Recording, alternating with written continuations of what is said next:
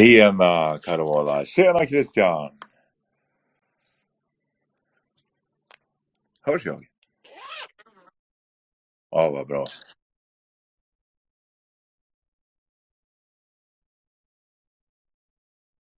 Mm. Ja, jättebra. Jag kom precis innanför dörren. Jag har varit ute och sprungit lite. Jag kom precis innanför dörren. Och Therese var här och hallå! Kul! Tack för senast allihopa. Om jag inte har sagt det. Det har jag väl sagt. Ska försöka få upp eh, Youtube. Så vi ser vart Cornelia är någonstans. Mm, mm, mm.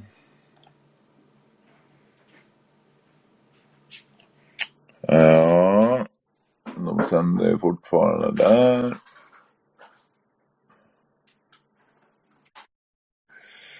Okej, ja hur, hur är läget Carola? Vi, vi kan ju chitchatta lite här. Det är ju inspelat så vi, vi kanske inte ska chitchatta för mycket men eh, för, för samtalets skull.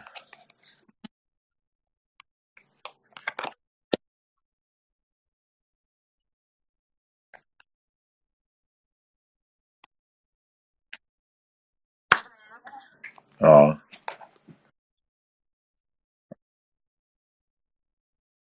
Ja, härligt. Ja, solen skiner med sin frånvaro här, det gör den. Men eh, det är inte, det är inte kallt, det är inte höstkallt. Lite rått på morgonen här. Det börjar bli höst, absolut.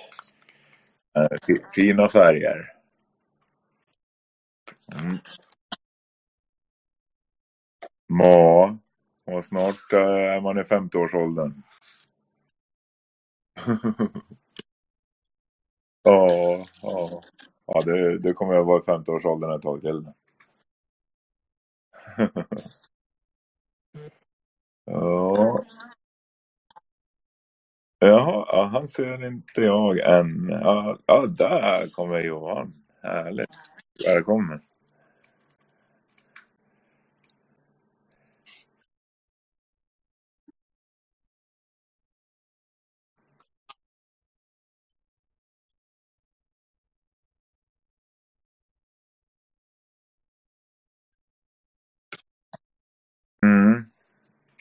Ja, det, det kan man tänka sig. Det får man väl hoppas då.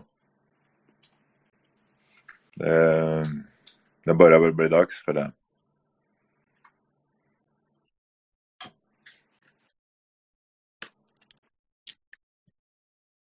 Men eh, det har man ju hoppats länge. Så... Nej, jag, jag, jag hörde inte på Mys igår. Jag har inte hört på den. Så eh, jag ska göra det.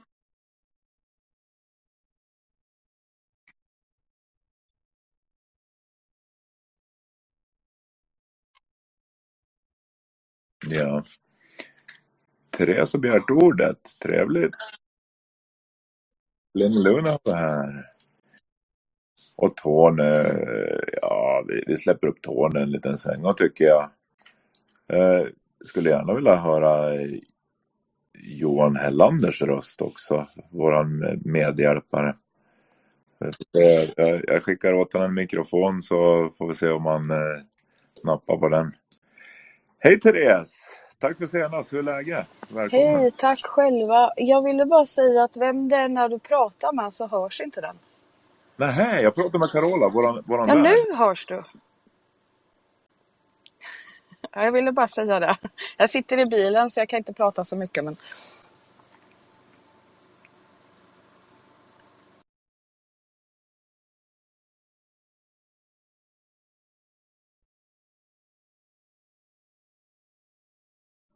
Sagan var teknikens under. Nej, ibland så kan det vara så att man inte hör varandra och eh, uppmärksammar man att eh, det kan vara så, då kan man eh, lämna och åter, eh, återkoppla. Alltså, ja, lämna Space och logga in igen. Eh, då brukar det fixa till sig. Det är ganska vanligt förekommande problem som vi har. Nu börjar det droppa in lite folk ifrån eh, Cornelias live här.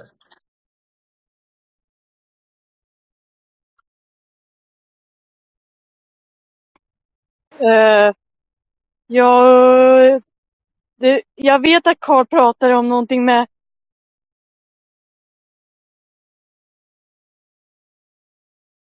han hade kunnat eh, ihopsatt ihop med eh, Wallenberg. Men det är bara för att han var direktör. Nu ska jag bara gå in till mina bokmärken. Han var direktör för ett bolag. Han hette Emilius Wilmer Swab.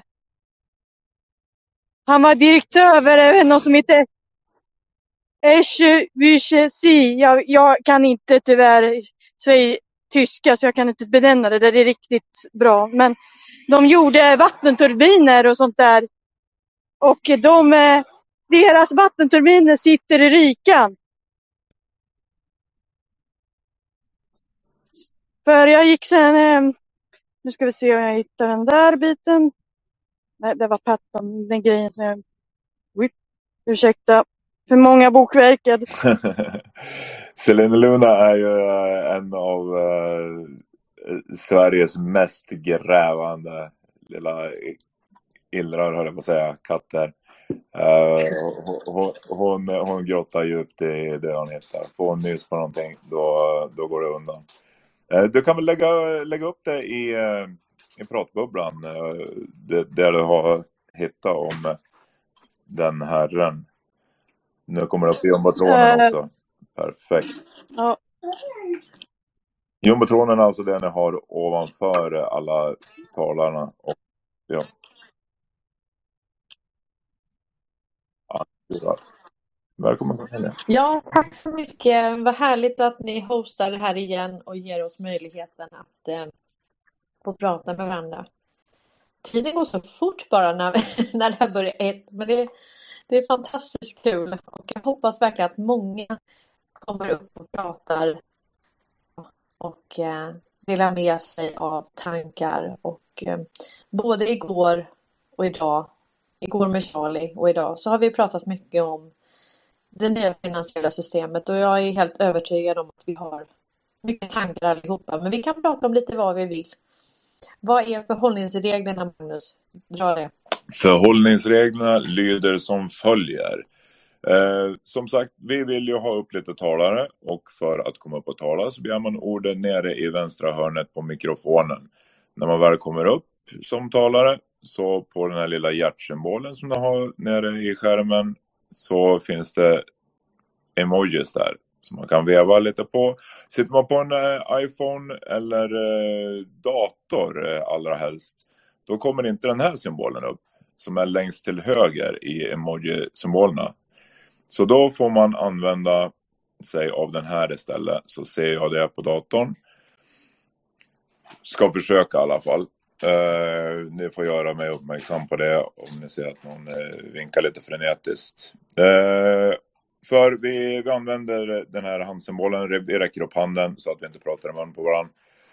Eh, skulle det vara en konversation mellan två stycken så väntar man ju tills man har, den ena har pratat till punkt helt enkelt. Så att det inte blir en massa stim och stoj på det viset. Eh, en del eh, kan släpa lite, alltså lagga. Eh, och Eh, då får man ju rätta in sig efter det. För att fler ska få möjligheten att eh, komma in här så tycker jag att vi går ner i pratbubblan, pillet, nere i högra hörnet. Och eh, där har vi ju dagens rubrik. Fröken Vithatt, live eftersnack. Där har vi ett hjärta. Där kan ni hjärta om ni gillar. Och för att fler ska komma in då så trycker vi på återvinningsknappen. Återpublicera. Då kommer det upp i ert flöde. Eh, efter en halvtimme, en timme, eh, för jag antar att du håller på så länge, så kan du ta tillbaks den och skicka ut den på nytt.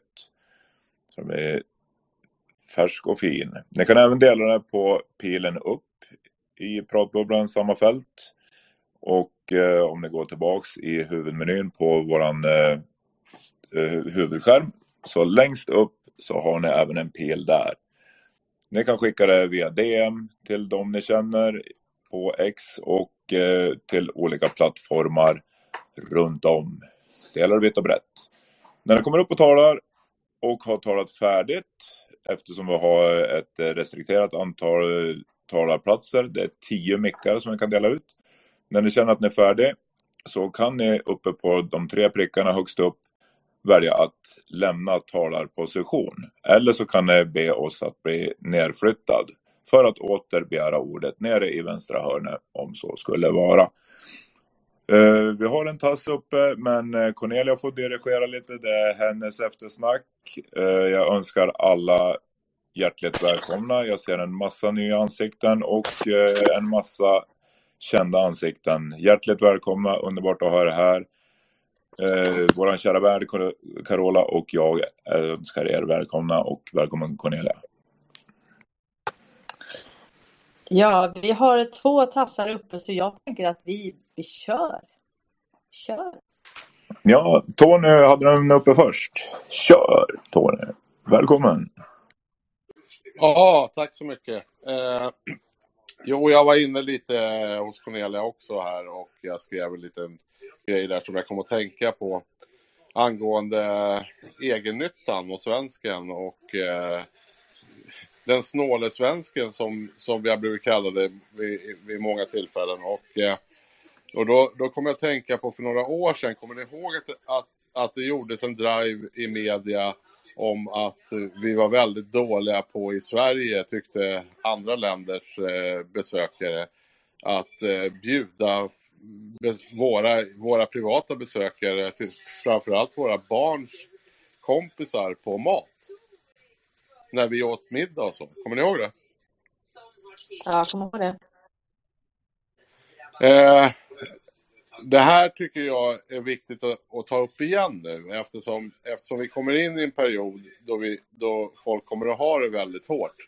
Att, att tänk på det att det viktigaste vi kan göra är att, är att liksom bjuda, bjuda folk i vår närhet på, på mat, på husrum, på eh, torra kläder och sådana saker eh, om det blir jävligt hårt. Och, eh, och, och jag, jag, jag, skulle vilja att vi tryckte lite på det för vi, vi tar det globala och alltihopa så bra. Men vi måste, vi måste, bli, vi måste också tänka på våra våra närmaste vänner och bekanta och släktingar och alltihopa och se till nu att, att, att de klarar sig eh, och, att, och att alla går lyckliga ur det här. För det, kom, det kommer vi att göra, men vi får inte få panik utan vi måste vara behjälpliga. Det, det, det är mitt budskap idag. Ja, tack Tony. Eh, ja, Cornelia, du var väl inne lite på det. Jag, jag hörde lite snabbt första halvtimmen och jag hörde din, din fina skrift som du hade gjort där. Berätta lite mer om det. Ja, nej, jag fick bara den tanken i, i, i morse när, efter mitt och Charlies. Du vet, man, vi pratade i två timmar och 20 minuter och eh, sen kommer alltid tankar efteråt. Och, och man tänker var, varför resonerar vi som vi gör? Varför tänker vi som vi gör? Och då tänkte jag på det här just med, med religionerna och, och så tänkte jag att måste vi verkligen ha religion för att vilja hjälpa andra människor? Det, det är också helt galet måste vi ha en religion som berättar för oss att vi ska hjälpa någon i nöd. Och eh, det här systemet har ju blivit på det viset att vi tänker att det där tar någon annan hand om. De får gå till socialen. De får liksom, vi tänker sådär, men det, det, är inte så lätt. Det, det, är väldigt många som hamnar i kläm och eh, nu pratar vi också kanske att ge människor ett, ett leende, ge människor vår tid. Det finns många sätt att dela med sig så här som vi gör med varandra nu är ju väldigt värdefullt. Man kan tänka att man sitter och håller på sina egna tankar. Men det är också att vara generös, att dela med sig hur man tänker och hjälpa andra till en ökad förståelse. Ett annat sätt att tänka, att man delger sina egna perspektiv som faktiskt kan berika eh, alla oss andra så att säga i hur man, hur man tänker. För att jag jag rannsakar mig själv varje dag och tänker varför, varför tänkte jag så nu? Varför reagerar jag så när, när jag läser det här i tidningen? Varför, hur tänker jag? Och, och då, då, när man börjar rannsaka det så förstår man hur otroligt styrda vi är i vår tanke. Och det är ju till följd av en livslång indoktrinering som har skett. Man har kokat kronan, gronan långsamt som vi pratar om. Och eh, Ja. Den som är utan tankebyggnader planterad av den djupa staten kastar den första stenen. Lite så är det ju. Eh, jag har reflekterat på det länge men eh, har ju varit en av de som har gått och fnyst åt de som har haft det lite sämre också eh, till och från. Och tänkt att det där har de kanske åsamkat sig själv och så. Men det behöver inte vara så enkelt utan vi hade ett litet samtal jag och, och några till om eh, en observation i, i tunnelbanan. Det, det sitter en en människa och skriker rätt ut i vild förtvivlan och alla bara går förbi och fnyser och liksom eh, ja, kastar dömande blickar. Och jag kände liksom att, ja men tänk om du går fram och pratar med den här människan. Frågar varför. Vad mycket det skulle hjälpa. Bara ja, ett leende, lite medkänsla, medmänsklighet eller åtminstone ja, offra lite av sin tid för att, för att bara lyssna och försöka förstå lite vad långt man skulle komma istället för att vara så genuint svensk och bara fnysa och gå vidare och tycka att jag har det så jävla bra själv. Men eh, det var den reflektion jag hade över det. Eh, nu har Åsa som eh, vi debatterade lite med senast där uppe och eh, vill tala med dig Cornelia. Så, men det var det min reflektion. Välkommen Åsa. Ja, välkommen åter Åsa. Eh, och som sagt, vi kör ju med handuppräckning eh, och eh, väntar på att vi talar till punkt och så här eh, för att det inte ska stimma över. Så jag väntar på din hand. Eh, så länge så får Cornelia prata lite.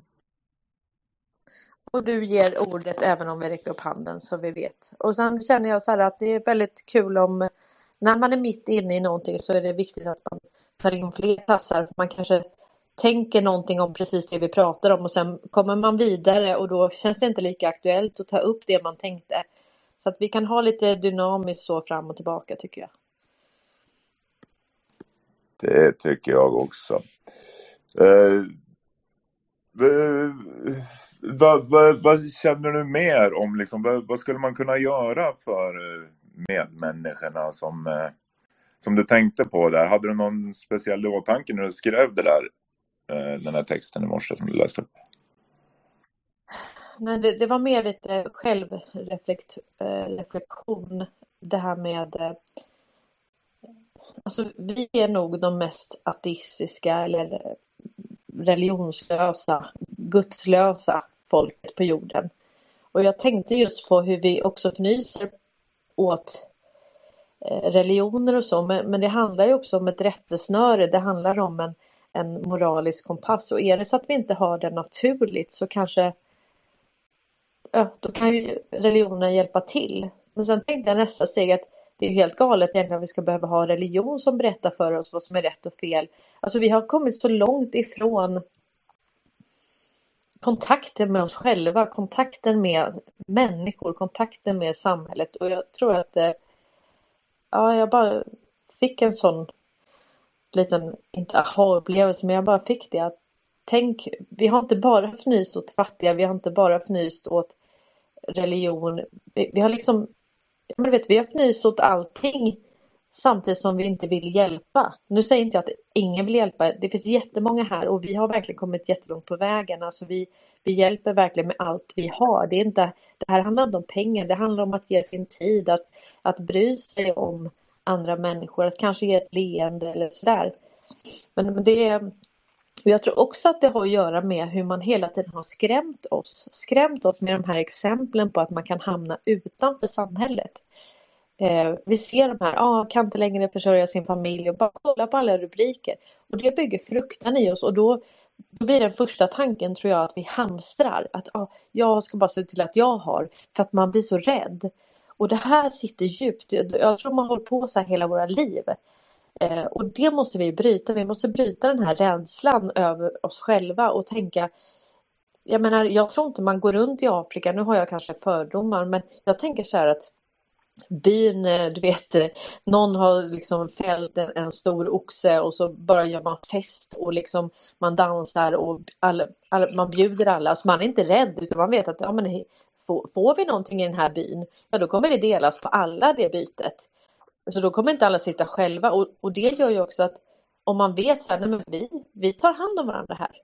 Så om vi skulle bo i ett kollektiv och så vet vi att ja, vi, vi tar hand om varandra här. Vi ser till att vi får mat och, och, kläder och vi hjälper varandra. Då hade ju inte folk i det kollektivet varit så oroliga. Och det är det som är tanken att samhället ska vara. Eller så tänker jag om samhället.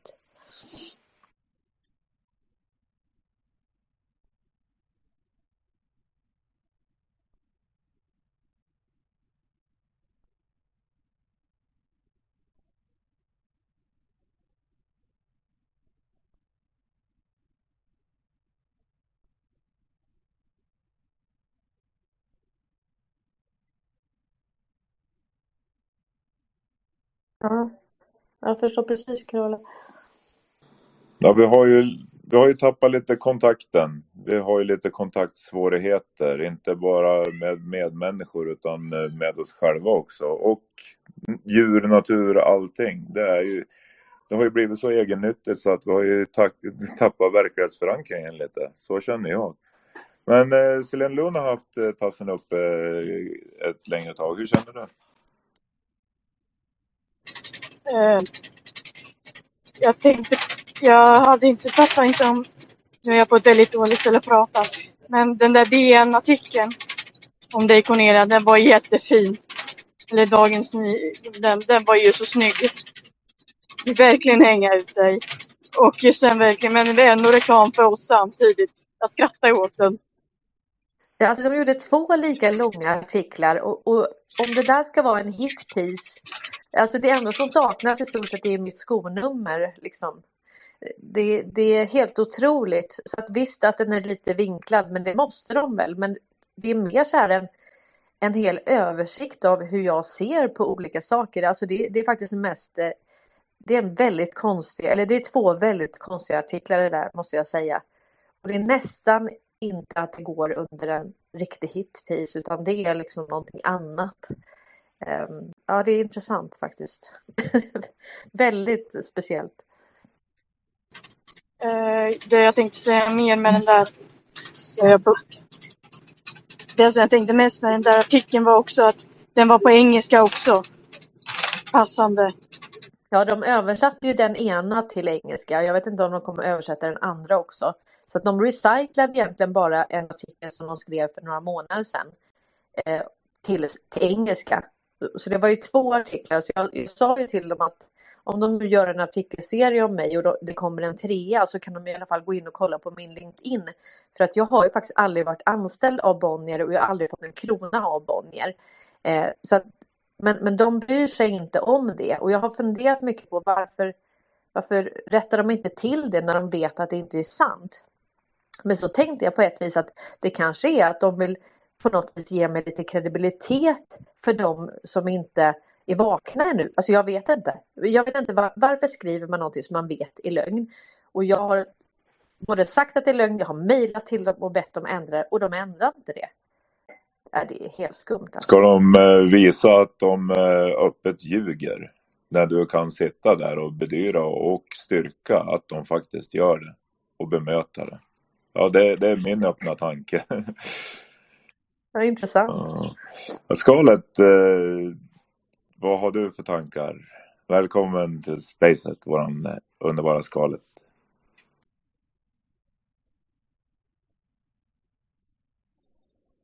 Hör ni mig nu? Ja, det gör vi.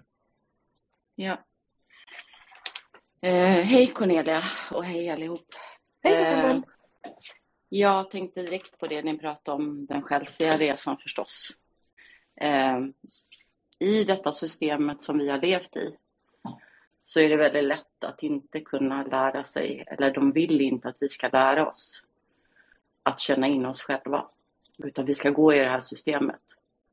Men så fort du börjar med att börja känna in dig själv och lossa det du har i dig, så har vi alla det i oss. Eh, det gäller bara att inte ha de rädslorna att kanske möta sig själv. Men det har ju gått en utveckling där man ser att folk blir mer medvetna, eller väldigt mycket mer medvetna om sig själva, sina tankar, sina känslor. Och eh, det gäller bara att våga ta nästa steg. Och det är det de har velat förhindra oss ifrån. Att känna in och utvecklas med oss själva. Det var det jag ville säga. Så sant, fantastiskt. Ja, skalet eh, har ju kommit en bit på vägen och, och hittat sig själv i, i nuet. Så det, det är en eh, vacker själ. Eh, vi har även Tony som är en vacker själ. Vad, hur tänker du kring dagens ämne så långt? Jo, jag, jag vill haka på Cornelia lite där, för att alltså, som ni vet så, så, brukar jag ha någon liten story om allting som jag har varit med om och tagit lärdom av. Eh, och jag, som, det har jag faktiskt idag också. Och det var, jag var nog inte så gammal, jag kanske var tio år. Och, och eh, skulle hjälpa min morfar att byta ett tak i, uppe i Dalarna. Eh, och det var bara han och jag som skulle göra det här. Och vi satte igång det gick, det, gick väl, det gick väl sakta men säkert. Men helt plötsligt så dök det upp en gubbe. Och säger, ja vad gör ni då? Nej, vi håller på att byta tak här. Ja, jag ser det ja. Men eh, du vet att det här går mycket enklare om, om jag åker hem och hämtar min traktor. För då kommer det här gå mycket fortare. Så han stack iväg och hämtade en traktor. Och sen kom det fler och fler människor vart efter dagen gick. Och till slut så var, var vi nog en tio man som höll på med det här taket. Eh, och, och, och, en del sa att ja, men jag kommer tillbaka imorgon också så, så vi får det här klart och si och så.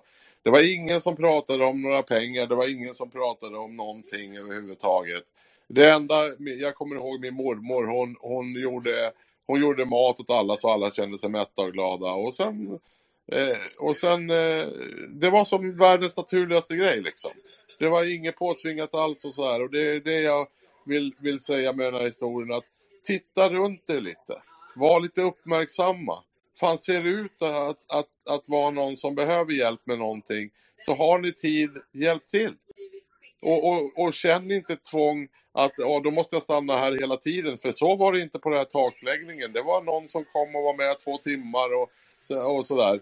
Alltså det, det, man kan göra det så jävla enkelt. Och, och, och ger man bara sig själv och är lite uppmärksam Eh, Eh, och, och, och då, då, då går jag tillbaka till Magnus och hans, och hans tunnelbanegrej här också. Alltså, alltså det har jag försökt gjort i hela mitt liv. Att, att inte ignorera folk. Om folk kom, kommer och vill säga någonting, då går inte jag bara förbi. Då, då, då stannar jag och pratar med den här människan. Och kollar upp, vad, vad, vad, vad, eh, har du något problem? Vad är det för någonting? Alltså, det är så enkelt och vi, och, och vi är så formaterade från början så vi, så vi, vi, vi ser oftast inte det här. Eh, ja, tack, jag stoppar där. Ja, tack Tony. Det, det, är just, det där är ju det, det första du börjar prata om, där. det är grannsamverkan som det borde vara. Inte grannsamverkan för att stöta bort, utan grannsamverkan för att hjälpa till. För att hjälpa alla runt om i, i grannskapet eller bara eh, sträcka en eh, hjälpande hand, som det var förr. Jag kan dra en eh, väldigt enkel parallell till där jag befinner mig och, och vistas nu för tiden. Det byggdes av min mormor och morfar. De hjälptes åt. De cyklade med plankor, med spik, med sand, med allt som behövdes. De cyklade ner till en liten fjärd. Där hjälptes alla åt att resa stugor. Och det gick ganska snabbt när alla hjälptes åt. Till slut så var det ett litet samhälle. Eh, ska man vara egennyttig och bara tänka på sig själv och göra sitt eget själv för att man tänker att nej, det finns ingen som hjälper till. Det, det kanske inte finns, men då kostar det ju både tid, pengar. Alltså det, det, det går ju inte på det viset, utan då är man ju inne i ett materialistiskt och ett vinstmaximerande tänk och då är vi ju där vi är nu. Så tänker jag om det. Men hur tänker du Cornelia? Nej, alltså jag fick sån härlig känsla när jag hörde Tony och då tänkte jag faktiskt tillbaka på båtklubben. Vi hade ju vår segelbåt i Alviks båtklubb i Stockholm och där fungerade det precis så. Om det var någon som behövde någonting, någon gick och bar på en mast, du vet man skulle, ja då bara, ja, men kan jag hjälpa dig och så. Så där var det verkligen som ett litet samhälle och där var det självklart att man högg i och hjälpte varandra om det var någonting. Någon bar någonting eller behövde hjälp med någonting. Och tänk om vi skulle kunna komma tillbaka. Jag blev så himla glad när jag hörde Tony där. Fantastiskt. Jag, blev, jag rös lite. Mm. Det är riktigt underbart det där. Och, och på det viset så kan man ju liksom, helst i dagens eh, läge så kan man ju passa på att nyhetsuppdatera lite. Lite red. Jo, men vi, nu när vi pratar om Cornelia var inne lite på religion och det där också. Men, men alltså amish, funkar inte det lite på det här viset? Jo, det är nog precis. Amish-folket, de har ju ja, de har ju som sina egna samhällen liksom. Och det finns säkert lite kollektiv och sånt i, i eh, runt om i världen som fungerar så här. Men jag tror liksom att om vi tittar på olika samhällen. Nu kanske jag tänker att det är värst här och det kanske det inte är. Men jag tänker vi, vi är ändå väldigt eh, i och med att vi har den här tanken med att vi har en välfärd så har vi det är ganska bekvämt va, att känna men det där det där får socialen ta hand om, eller det där får staten ta hand om. Det där är inte mitt ansvar. Så, så den synen tror jag, om du inte har ett välfärdssystem, nu fungerar ju inte vårt, men alltså vi tänker att vi har ett välfärdssystem och du har andra länder som inte har det.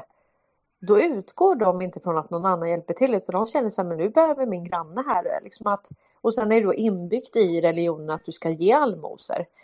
Eh, och sen om det är på grund av egen nytta då att du vill komma till himlen eller inte förarga gudarna eller så. Eh, alltså det, jag, tror, jag tror inte bara att det är att de ger från hjärtat så det är inte bra på det sättet heller. Så att det är inte så att bara för att man har en religion och ger en allmosa så, så är vi liksom i hamn utan det handlar ju om att förändra hjärtan hos oss själva. Exakt och Cornelia, nu, nu vill jag bara knyta in här. Samhället vad är det för entitet? Vi, alltså, alltså, vi kan hela tiden skylla på samhället och samhället ska hjälpa till med det här och samhället ska hjälpa till med det där. Men samhället är ju inte, det är, det är en entitet, det är inte en, det är inte en person. Och, och, vi måste tillbaks till det här att, att ta ett eget ansvar över oss själva. Få ett eget ansvar ifrån eh, vårt samhälle. Att, att, att agera i vissa i vissa faser som vi kan, som vi kan hjälpa andra. Det, fi, det, finns, det, det här är ju problematiken med att inte ha en konstitution. Ja, men samhället är ju du och jag och det är ju det vi inte har förstått innan att det är någon liksom odefinierbar klump. Eh, liksom all makt utgår från folket. Vad är folket? Befolkningen? Svenskar? Vilka är svenskar? Men det är ju faktiskt vi som är samhället. Vi som bor här tillsammans. Och sen, och sen finns det ju olika nivåer av det. Du har ju liksom lokalt och du har regionalt och så vidare. Men... Ja, det är, ju, det är väl lite upp till oss hur vi vill vill eh, se det framtida samhället. Eh, och, oavsett om vi ska styra det själv eller om någon ska, vi, ska sätta någon där som vi vill ska föra våran talan där. Men det, det utgår ju från oss. Så vi måste ju föregå med gott exempel där. Nu, jag vet inte, ska vi gå till Åsa som har haft eh, tassen uppe väldigt länge. Välkommen Åsa. Vad har du på hjärtat? Hej, tack så mycket. Nej, alltså jag ville bara, jag kommer ju med mina jag rör väl om lite i den här gruppen kanske. Men jag känner att jag, ja, jag känner att jag vill liksom lyfta mina tankar. Jag la in en eh, kommentar. Där, som ni kan se, hoppas jag. Hur man, man har ju kollat Eh, på det här, hur Sverige såg ut på 80-talet jämfört med idag. Och Sverige var ju mer socialistiskt, även om Sverige alltid har varit kapitalistiskt, eh, så var ju Sverige mer socialistiskt på 80-talet än vad de är idag. Och, och, eh, och även då innan man tog bort regleringen för bankerna, för det var ju då allting började liksom brytas ner mer eller mindre. Att eh, liksom, ja men de privata storbolagen och så gjorde större och större vinster, fick mer och mer inflytande och så vidare. De får ju olika förmåner liksom. Och det är ju vi som får betala för det då med skatter och så vidare. Men i vilket fall då så var det ju att 1980 så hade Sveriges eh, högst antal vårdplatser per capita bland OECD-länderna. Och idag ligger Sverige sist bland länder i Europa i samma liga. Och eh, det beror på en allt mer aggressiv kapitalism. Så jag tänker, ja, hur tänker ni på det? Ja, vi tänker ju inte i ismer som du gör. Vi tänker inte i socialism, kapitalism, kommunism. Så att eh, dina ismer kan du, det handlar om egennytta, det handlar om företagsintressen som samverkar för att tjäna pengar på alla oss andra. Så att eh, liksom vi, vi kommer inte gå ner på den nivån och prata om ismer här. Jag kommer Nej, inte okay. Jag, jag kan lägga så bort. Är det någon annan som vill svara med ismer? Ja men, ja, men de här ismerna är skapade, det spelar ingen roll vilka ismer du pratar om. Det har fortfarande varit de, du, du, du har fortfarande de en procenten som har tjänat pengar på alla andras bekostnad. Och de är inte ens en procent, de är mycket färre än så. Så att, att, att, att vi inte har en fungerande välfärd, att vi inte har ett samhälle, det är liksom vårdplatser, ja det är självklart. Det är egennytta som styr och allting samhällsbärande kontrolleras av eh, vinstmaximerande företag. Så att, vad hade du förväntat dig? Och då spelar det ingen roll. Jag menar kommunismen, det har vi inte heller för att alltså Kina har inte ens det. Hur kan du ha privata monopol, alltså utländska företag som har monopol i Kina? Alltså du vet, det, liksom men det är helt fel i och med att vi har kommit förbi den punkten. Och ser världen lite annorlunda så blir det, det blir som att gå tillbaka tio steg och börja prata om ismer igen. Okej, okay, men, men eh, då måste jag ju få replikera på det. Att, jag menar, vi har ju system, vi har ju en världsordning. Det är ni med på? Åsa, Åsa vi har, vi har ett, fortfarande samma system att man räcker upp handen och sen får man ordet. Eh, så att vi har samma regler idag som vi hade igår, eller i tisdags. Men okej, får inte jag säga något mer nu då? Du räcker, du, jo, när du har fått ordet. Är du med? Så att vi räcker upp handen och sen ger världen ordet. Och det är samma sak för alla. Okej? Okay? Så att vi, vi, kör, vi kör att Magnus eller Carola delegerar ordet. Så även om du räcker upp handen, vi förstår ju att du vill kontra och det kommer du få göra. Men vi följer samma regler. Precis. Men eh, jag, jag, låter, eh, jag låter dig eh, svara eh, och utveckla din, eh, din tanke där innan vi går över till eh, Selene Luna. Vi har även vår medvärde Carol uppe här för att hjälpa till lite med att hålla hålla koll på vilka som räcker upp händer och se och så. Och för att fler ska få möjligheten till det, så för nytillkomna lyssnare, så kan vi gå ner i pratbubblan och trycka på återvinningsknappen där och skicka ut det på X. Så att alla ser, så att alla får möjligheten att komma in och tala.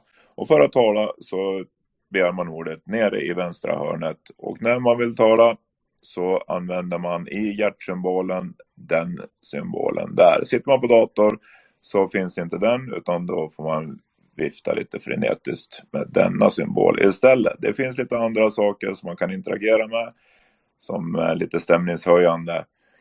Eh, det kan vara kul att vara lite interaktiv. Skulle man inte våga ta ordet eh, så finns ju möjligheten att skriva i pratbubblan eh, som Åsa har gjort. Det står lite utförligt hennes tankar kring det.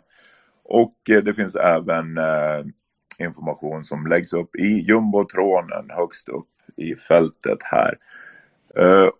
Skulle ni inte våga göra något av det eh, så kan ni skicka era frågor och eventuella svar till oss medvärdar och vår kära värd Men Åsa, du får eh, replikera på det och eh, Cornelia kommer antagligen vilja svara. Sen går jag till Selina som har handen uppe. Varsågod Åsa. Okej, ja, jo men eh, jag känner att, eh, jag vet inte, jag tycker att det blir så motstridigt det här med att, jag menar det, det eh, Cornelia liksom säger, jag håller med om, alltså jag tycker att det hon säger är så himla bra och att hon har väldigt bra koll och allting. Men, men samtidigt så blir det så för mig motstridigt om man liksom är emot då de här stora eh, ja, men företagen som styr och så vidare och att det är sammanslutningar och så. Eh, så, så blir det motstridigt för mig när man ändå är för att privat ägande och att man ska kunna göra liksom privat ägande och eh, eh, ja, liksom för jag menar, det, det blir ju att om man tillå, alltså, vill ha privat ägande och samtidigt är emot privat ägande, det, det, blir liksom dubbelt för mig. Och då blir det liksom, för mig känns det som att det här som du hade skrivit Cornelia var jättefint. Och eh, för mig är det mer socialism. Eh, att man bryr sig om andra, att man liksom eh, även om inte jag säger att det är socialism vi ska ha, men jag tycker att om man nu ska ha någonting så tycker jag att det rimmar bättre med liksom att en människosyn, att man, man hjälper varandra. Och att eh, man, eh, ja, är mer, eh, Eh, liksom inkluderar alla människor och att det inte ska styras av kapitalet utan att det ska styras av det, vad människor gör tillsammans och att man hjälper de svagare och att man försöker att lyfta varandra och så vidare. Och jag tänker också på, jag återkommer till Kuba, för Kuba är ju socialistiskt och nu kommer jag säga så, för att de, är ju, de har ju en annan tänk. De har ju liksom stått emot USAs imperialism och liksom inte velat ingå där. Så att USA och nu håller ju de en, en blockad mot, mot eh, Kuba. Och Kuba är inte en terrorist. De har inte terrorister där. Det finns inga belägg för det överhuvudtaget och alla länder är emot det här. Men USA kan ensamt bestämma det för att de är världspoliser. Och eh, till exempel Kuba, de har ingen bostadslöshet. Det finns inga uteliggare. De har fri sjukvård, fri skolor till alla som bor där. Alltså visst, det finns saker som inte funkar, men Kuba kan ju inte funka heller ordentligt i och med att de är eh, USA har satt stopp för dem, de är helt isolerade. Men och då Åsa, undrar varför ska vi prata om Kuba? Fråga varför är det kapitalism, det system vi har och ingår i, är så emot socialism? Varför? Ja, för att det är en ism. Ismen är ja, till men jag för vet att polarisera. Inte, vi måste ju kunna benämna saker och ting. För att ja, det finns ju olika ja. system då. Det gör det, det gör det. Och medmänskligheten som inte är en ism, det har ju gått lite förlorat där. Eh, den här världspolisen som du pratar om är styrd av någon.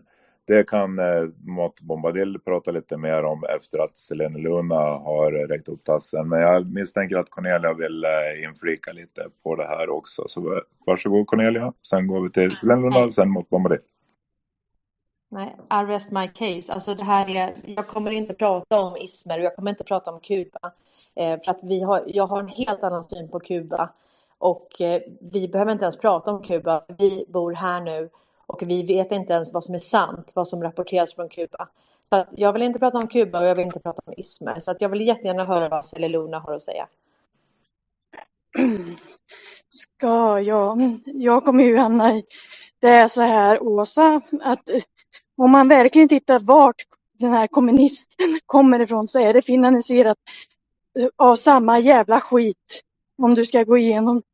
För jag har några praktexempel här på hur, hur det här har gått till. Men de är engelska översatta men det finns, de länkarna jag använt är svenska. Oftast. Till exempel Raja Palmedutt.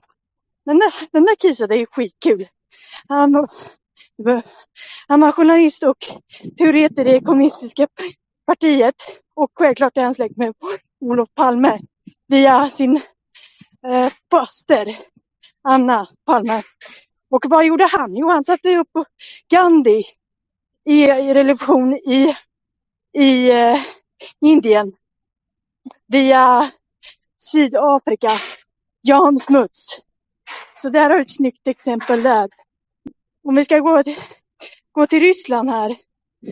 Så, så har vi Stalin har jobbat för Nobelbröderna. Det är ingen snack om saken. Så vårt Nobelpris är ett skämt. För det är bara upp deras givande tack för att ni har gjort en bra tjänst. Pris ungefär. Så det ligger där uppe med. Det finns en svensk länk. Och inklusive Lenin har svensk släkte via en guldsmeds äckling på mors sida. Så Lenin har svensk. Och Lenins sista resa var i Sverige innan han stack över. Han fick ju pengar utan av fasiken, amiral Lindman för att göra det där.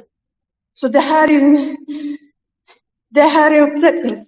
De har blivit betalda utav samma krafter som, som är som det andra, så kommunist. Och det här är samma jävla sak. Det är bara en kuliss som man skapar. Och länkarna finns där uppe i. Och jag driver runt så här med amerikanarna. Och dessutom så har jag en fin artikel på som jag har suttit och översatt på, nu ska vi se vad den är. Den hamnar här uppe. Eh, vart är den nu? Jo, om att blodspengarna från Sverige. Jo, svarspengarna försvann till Sverige, alltså guldpengarna, smältes om och gjordes om i Stockholm.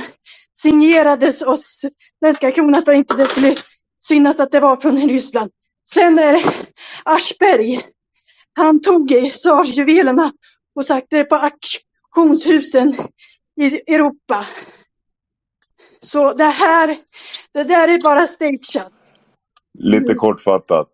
Svenskarna, vi, eller de som har styrt oss, har haft fingrarna i alla syltburkar.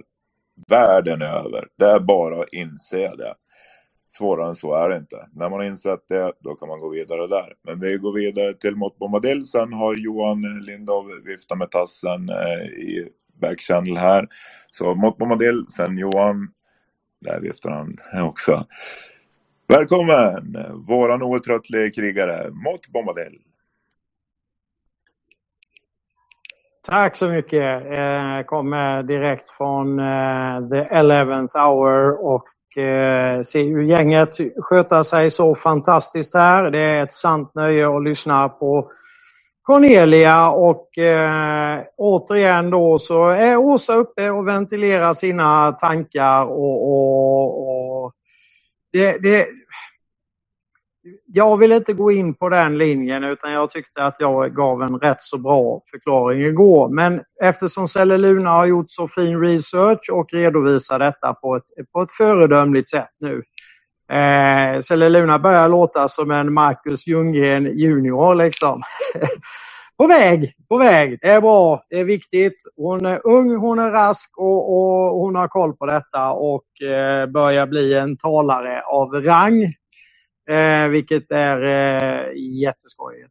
Eh, jag ska bara spä på det lite för Åsas kunskap här då att första revolutionen i Ryssland var också finansierad givetvis av samma gäng. Då var det socialism som gällde. Och sen så kom man på det att nationalsocialism, då kunde man få med sig lite fler när man körde själva svensk-tysk grejen då. Så det är hela tiden de här ismerna. De som har promotat och satt de här ismerna i huvudet på folk. De har det inte gått någon nöd på.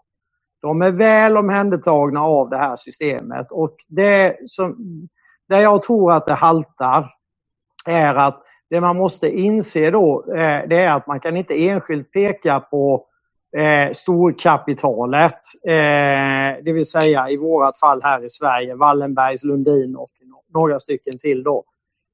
Det krävs individer innanför det offentliga som antingen är korrupta i meningen att de är egoistiska och materialistiska och eh, bara är ute efter att eh, få ett materiellt välstånd och så finns det de som då eh, är eh, väldigt utsatta för att de har gjort eh, en massa dumma grejer och blir satta på de här positionerna.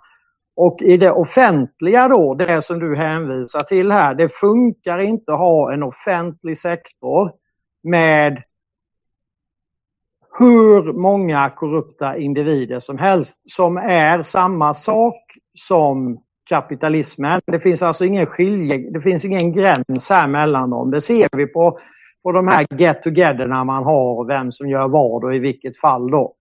Det finns alltså ingen gräns mellan kapitalism och socialism och kommunism. Det blir samma resultat i slutändan, vilket givetvis är meningen. Det andra är och förblir, kommer aldrig att vara någonting annat än en kuliss för att vi ska tro på någonting. Precis som att vi ska tro och ha förtroende för det monetära systemet, det vill säga för våra pengar. Det, bara, det, handlar bara om att skapa en tanke innanför varje individ och sen sätta de grupperna av individerna mot varandra. Vi sätter socialisterna mot kommunismerna, eh, kommunisterna som det var i, i Tyskland till exempel. Eller så sätter vi eh, moderater mot eh, eh, socialdemokrater här i Sverige då. Så kan vi hela tiden upprätthålla den här kulissen som man tror att man vinner eller någonting. När det i verkligheten är precis exakt sak samma oavsett vilken av de här partierna som det är. Det hjälper alltså inte att vi går och röstar i detta landet. Det är bara ett skämt. Vi har, vi har vi har hemliga val. Vi, ingen vet vem som har röstat på vad och eh, eh, detta lärde sig då Lenin tidigt. Ett av hans mer bevingade ord var, nej Stalin var det faktiskt. Det var Stalin som lärde sig detta tidigt. Han lärde sig en enda sak, så det var det enda han behövde veta egentligen för att fortsätta, som han fick i sin instruktionsbok när han var här i Sverige och hälsade på. Och snackade med de som betalade revolutionen nummer två då som han var med på. Han fick veta en enda sak. Det spelar ingen roll vem som röstar, bara du har koll på den som räknar ihop rösterna. Och det säger han rakt ut. Det är ett av de mer bevingande citaten. Det lärde han sig i Stockholm. Det kan du ge dig på att han hade en god instruktion på den punkten innan de begav sig eh, österut och eh, genomförde den röda revolutionen som då, som Selle Luna mycket riktigt påpekar här, resulterade i att 500 ton ryskt guld ur deras reserv landade i Sverige. Och den svenska så kallade staten då, alltså den fallerande staten, failed state var det redan på den tiden, tog tacksamt emot det här och satte guldmyntfot på det och sen så kunde man använda det för att finansiera andra världskriget via sin lite omgjorda bank i, på City of London via eh, eh, Hamburg och Varberg och eh, sen satte man upp det för att kunna finansiera då eh, så att säga eh, eh, eh själva nazistövertagandet eh, av Tyskland. Där man då fick det jättebra för man hade satt dem i armemod innan och sen så fick man helt plötsligt det jättebra och, och alla tyskar fick mat på bordet och, och pengar i plånboken och eh, det såg ju liksom till att man då kunde fortgå med den aktiviteten.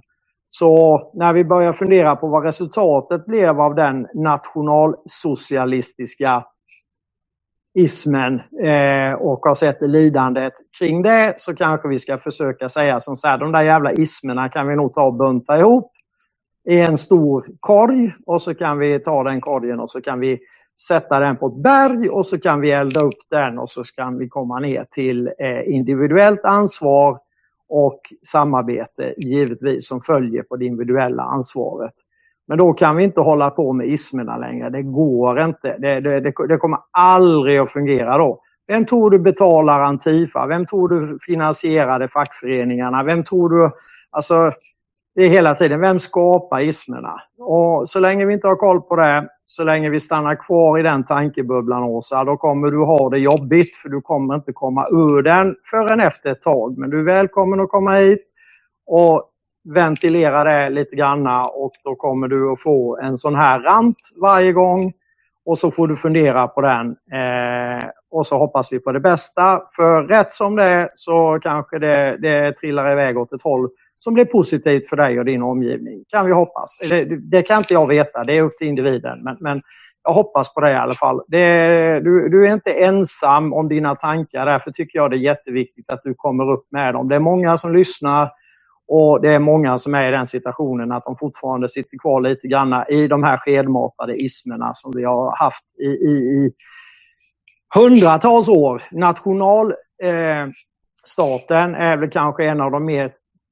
tongivande när man skapade den ismen så att säga, när man insåg att folk inte gick på eh, eh, eh den religiösa ismen, om vi nu ska kalla den så, att man inte klarade av att styra tillräckligt via kyrkan. Då. Det blev lite för obskyrt, folk blev lite smartare än så, så att säga. Man återvände och insåg det att, eh, och ifrågasatte det och då skapade man nationalstaterna, vilket är ett viktigt ögonblick, Åsa. Jätteviktigt ögonblick. Eh, för därpå följer också centralbanksystemet. Man insåg att man behövde kunna fängsla oss en gång till. Och det gör man med centralbanksystemet. Så förtroendet för ismer och förtroendet för pengasystemet, monetärsystemet, är över nu. Det är slut, det är över med det. Man eh, skiftar ju runt det via 77 eller 80 procent av världen som är BRICS-länderna. Om vi fortfarande ska springa här och skrika socialism eller prata om, om de sakerna. Så, och det här kommer även att ta med sig eh, ditt favoritland Kuba som ju då är en, en, en liten speciell historia. Men vad jag vet så är de eh, kompisar med, med ryssarna igen och man börjar få, eh, få till en balans i, i den diskussionen som, som nog blir tre, det kommer bli trevligt. Det kommer gå mycket bättre för dem.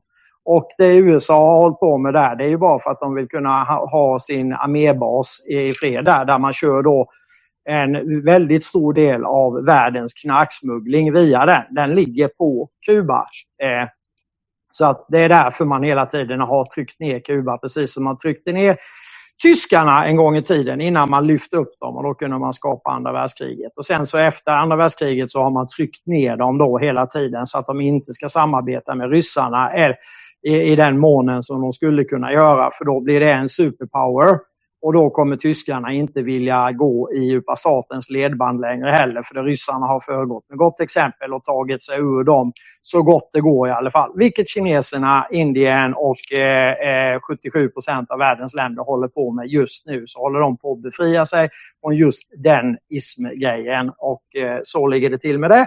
Nu pratade jag alldeles för länge. Jag hoppas att detta är en vettig rant som vi kan behålla i tanken en liten stund. Och med det så kraschar jag min varmluftsballong. Tack mot Bombadil. För, för er som inte hängde med där så finns ju möjligheten att gå tillbaka och lyssna på det här i 30 dagar efter avslutad sändning. Det finns ju även eh, på Cornelias eh, live så där kan ni återrepetera och lyssna på det här om och om och om och om igen. Det var ganska viktig information som eh, kom, kom ut där, lite kompakt.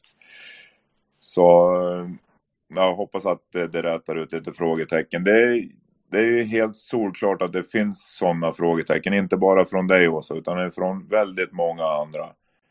Eh, majoriteten skulle jag vilja säga, som inte har samma insikt och inte har gjort eh, samma grundjobb som Mott Bombadil och många andra i, i den här åhörarskaran.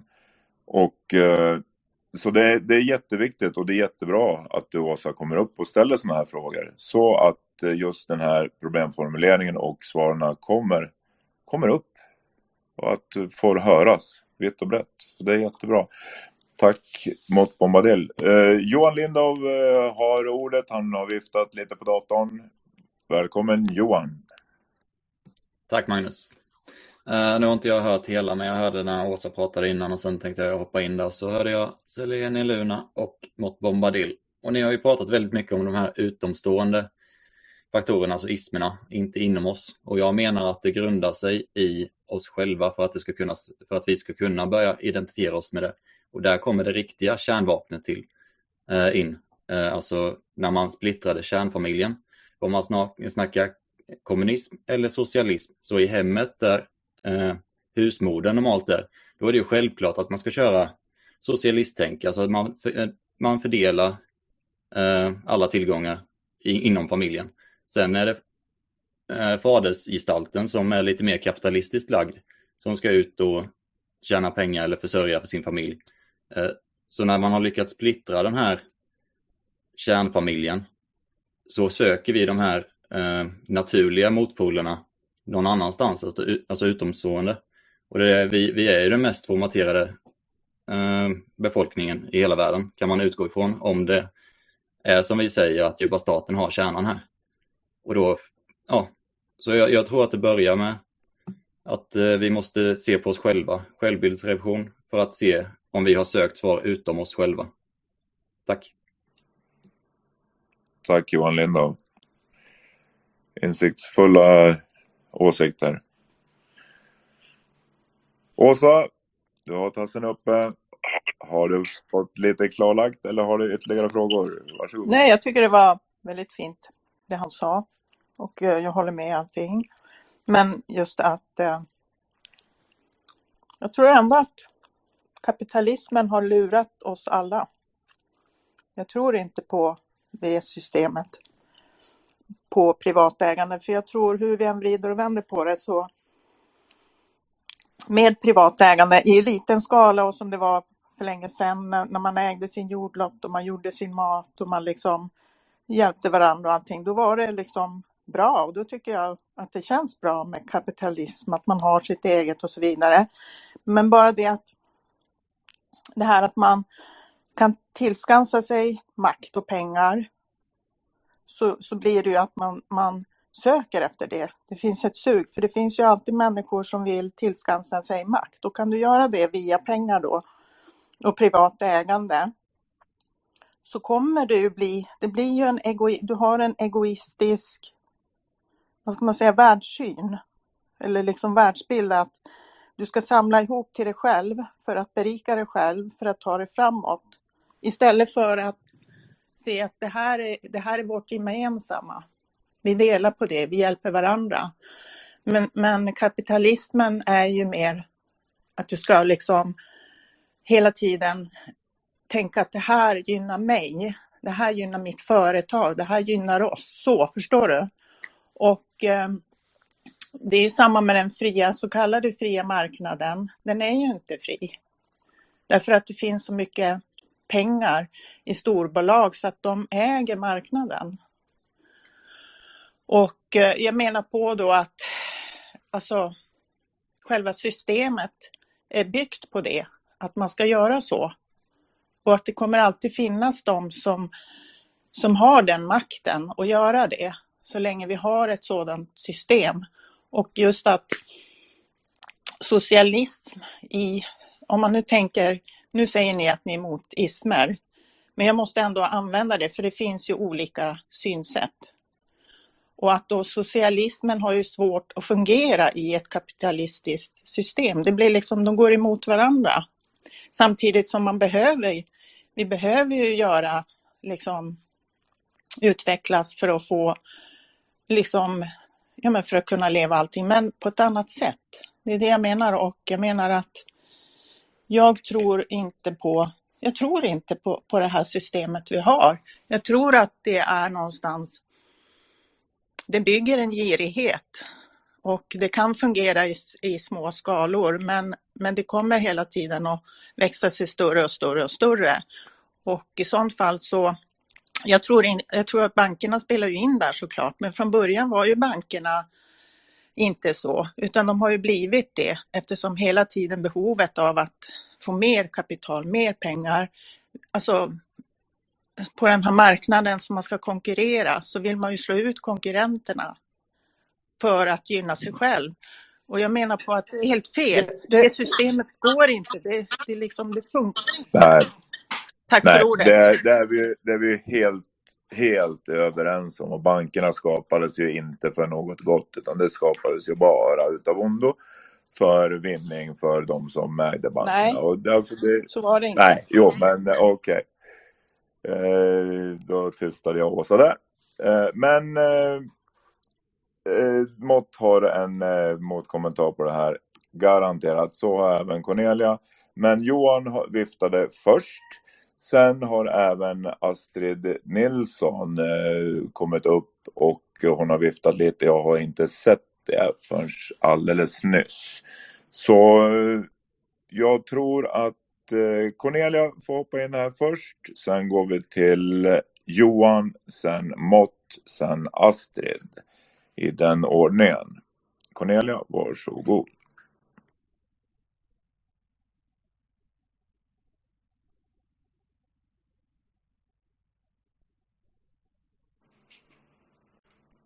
Ordet.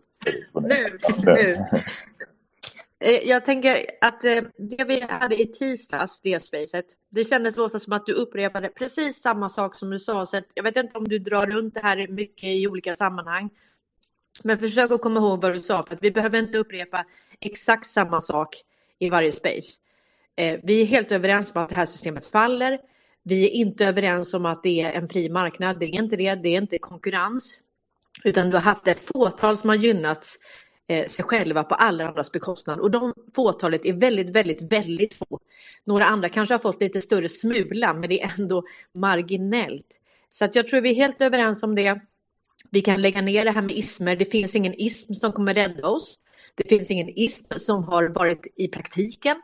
Utan vi har haft företagsintressen i samverkan på alla andras bekostnad. Och de har kontrollerat det som alla andra behöver. Och det är det jag går igenom. Och när du säger att jag är för privat ägande så tror inte jag att du har lyssnat på mig eh, speciellt mycket. Jag säger att det som är samhällsbärande, vi kan inte bygga ett samhälle på konkurrens. Det är det jag har sagt hela tiden. Så att, lägg inte orden i munnen på mig, berätta inte vad jag säger. Och speciellt inte när det är fel. det är inte det jag säger ens. Så att vi släpper det här. Och det du sa nu var nästan identiskt med det du sa i tisdags. Och så kan vi inte hålla på. Vi kan inte dra runt samma narrativ i, i eftersnack efter eftersnack. För det blir jobbigt. Eh, det var, om jag lyssnar tillbaka så är det liksom ordagrant samma sak som du säger. Så att nu går vi vidare. Vi hoppar ismerna. Och sen pratar vi om det samhälle som vi vill bygga tillsammans. Och, eh, och det är helt självklart att konkurrens betyder ytterst eliminering och död. Och det är inte så vi kan bygga ett samhälle. Och det är det jag har predikat om. Långt innan jag vaknade, vaknade faktiskt. När jag körde mina med eh, kom igång med aktier och emotionella investeringar så handlade det faktiskt också om att göra skillnad. Att skapa värde för andra med sina investeringar, sina pengar om man har det. Så att jag har liksom varit på den här linjen Eh, jag åkte med hjälpsändningar när jag var i tonåren till Ryssland och barnhem och så. Jag startade Garden Angels när jag var 16 år och hjälpte till att stoppa bråk. Byggde den organisationen och sen har jag då gjort en mängd saker som, och försökt faktiskt tänka på andra. Och det kanske är för att jag är adopterad och uppväxt i fosterhem och så. Att jag förstår den, den problematiken. Så att eh, jag vill jättegärna gå vidare från ismerna och sen vill jag höra från alla andra. Tack Cornelia. Då var ordningen Johan, Mott, Astrid. Johan, varsågod. Nej, Cornelia sammanfattade bra där. Så jag tycker jag är färdig. Tack. Eh, Det förstod jag nästan. Jag tyckte också att det var väldigt bra. Eh, tack Johan. Mott Bombadil.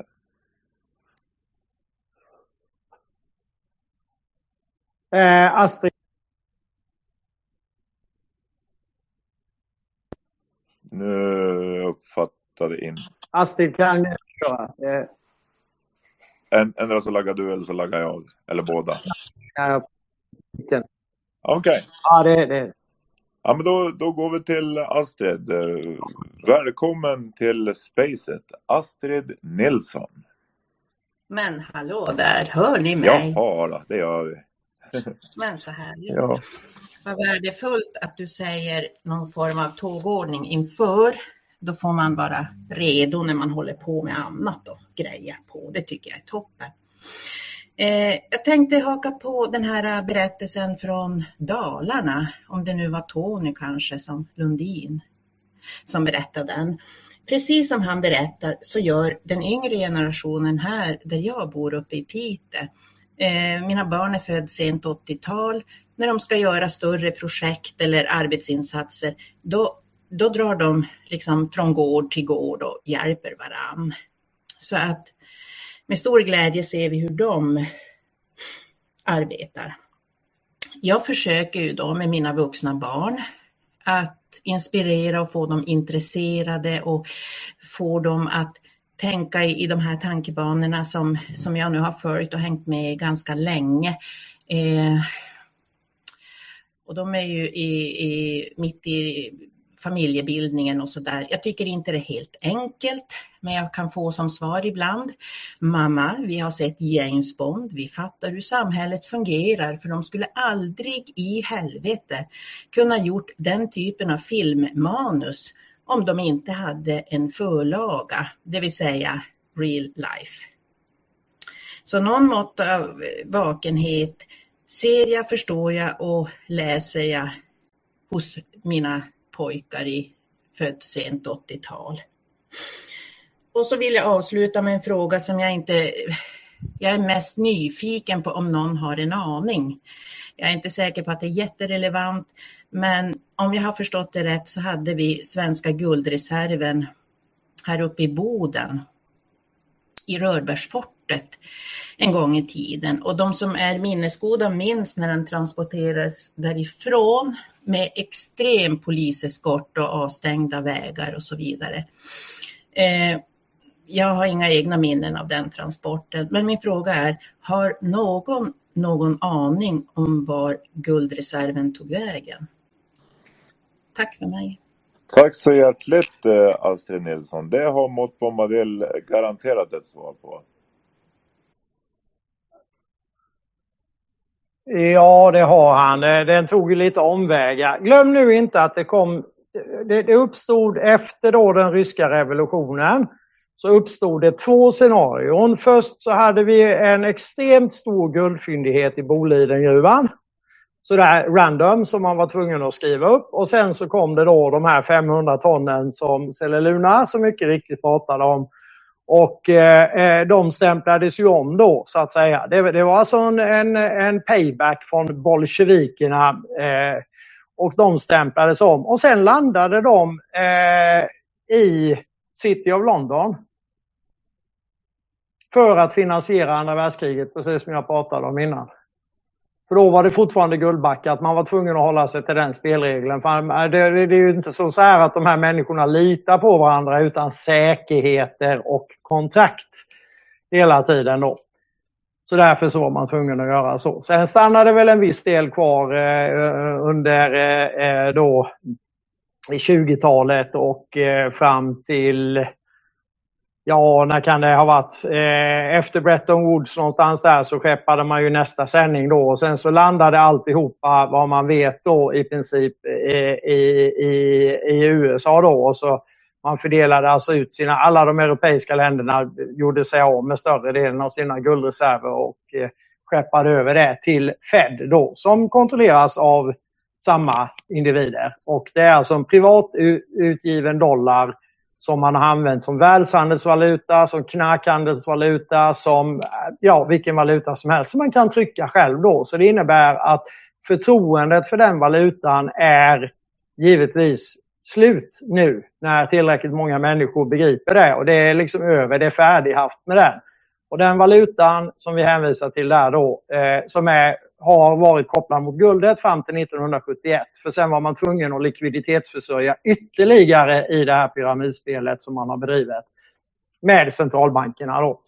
Och sen har man tvingat på alla länder centralbank och handla då sina råvaror i dollar och det innebär att 90% ungefär, tror jag Cornelia kan bekräfta, av handeln i världen har fram till ja, sig tills man eh, så att säga tog tag i huvudet på ormen eh, varit eh, i, i dollar då. Det är väl ett antal år, något decennium eller två tillbaka. Sen, man, sen har det kanske ändrat lite grann på sig då. Och nu med BRICS-länderna så kommer det att flippa över helt och hållet. Och eh, dollarn har alltså gjort sitt som världshandelsvaluta och kommer gå ur tiden i sin nuvarande form. Så det kommer komma en ny dollar. Det var precis det Kennedy försökte göra när de tog, eh, poppade honom av, eh, eh, när man mördade Kennedy på grund av det.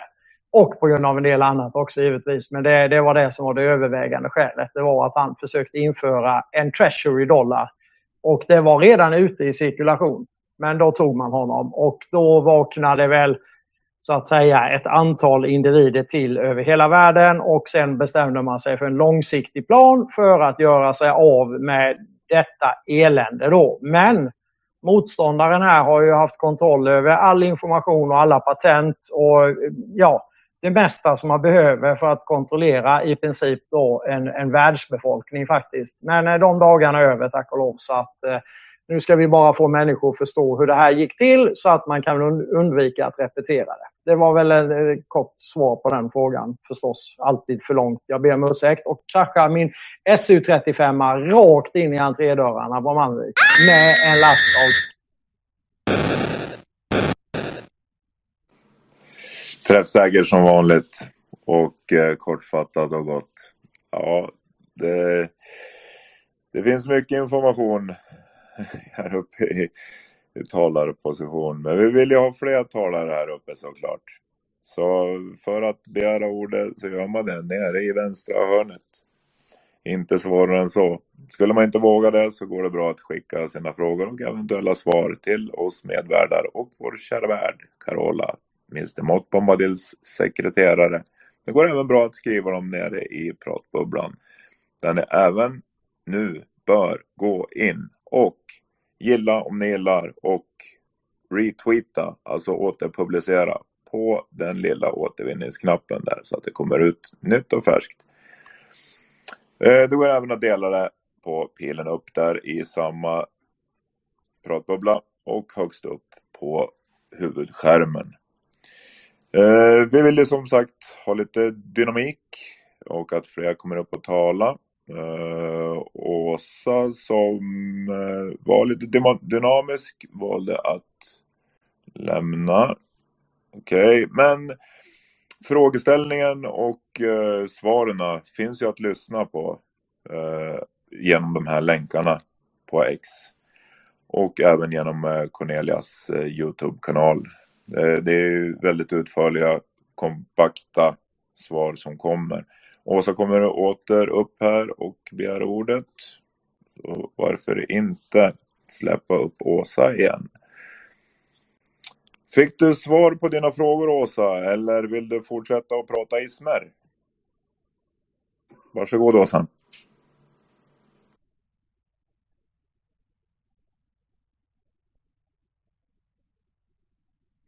Den brukar släpa lite när de precis har gått över till talare från åhörare så vi får vänta lite. Hör du mig? Ja, nu hör vi dig Åsa. Ja, okay. Fattar det gärna kort och eh, som sagt. Nej, men jag bara vill säga ja. lite kort att jag tycker att det är väldigt intressant att se på motpoler och eh, det har gjort mig intresserad eh, att ta reda på just det här varför ett visst system är så bara hatar ett annat system och gör allt för att liksom försöka krossa det systemet. Med, och nu sker det ju liksom med ett militärindustriellt komplex som ägs av det största kapitalistiska landet i, i världen och det är USA.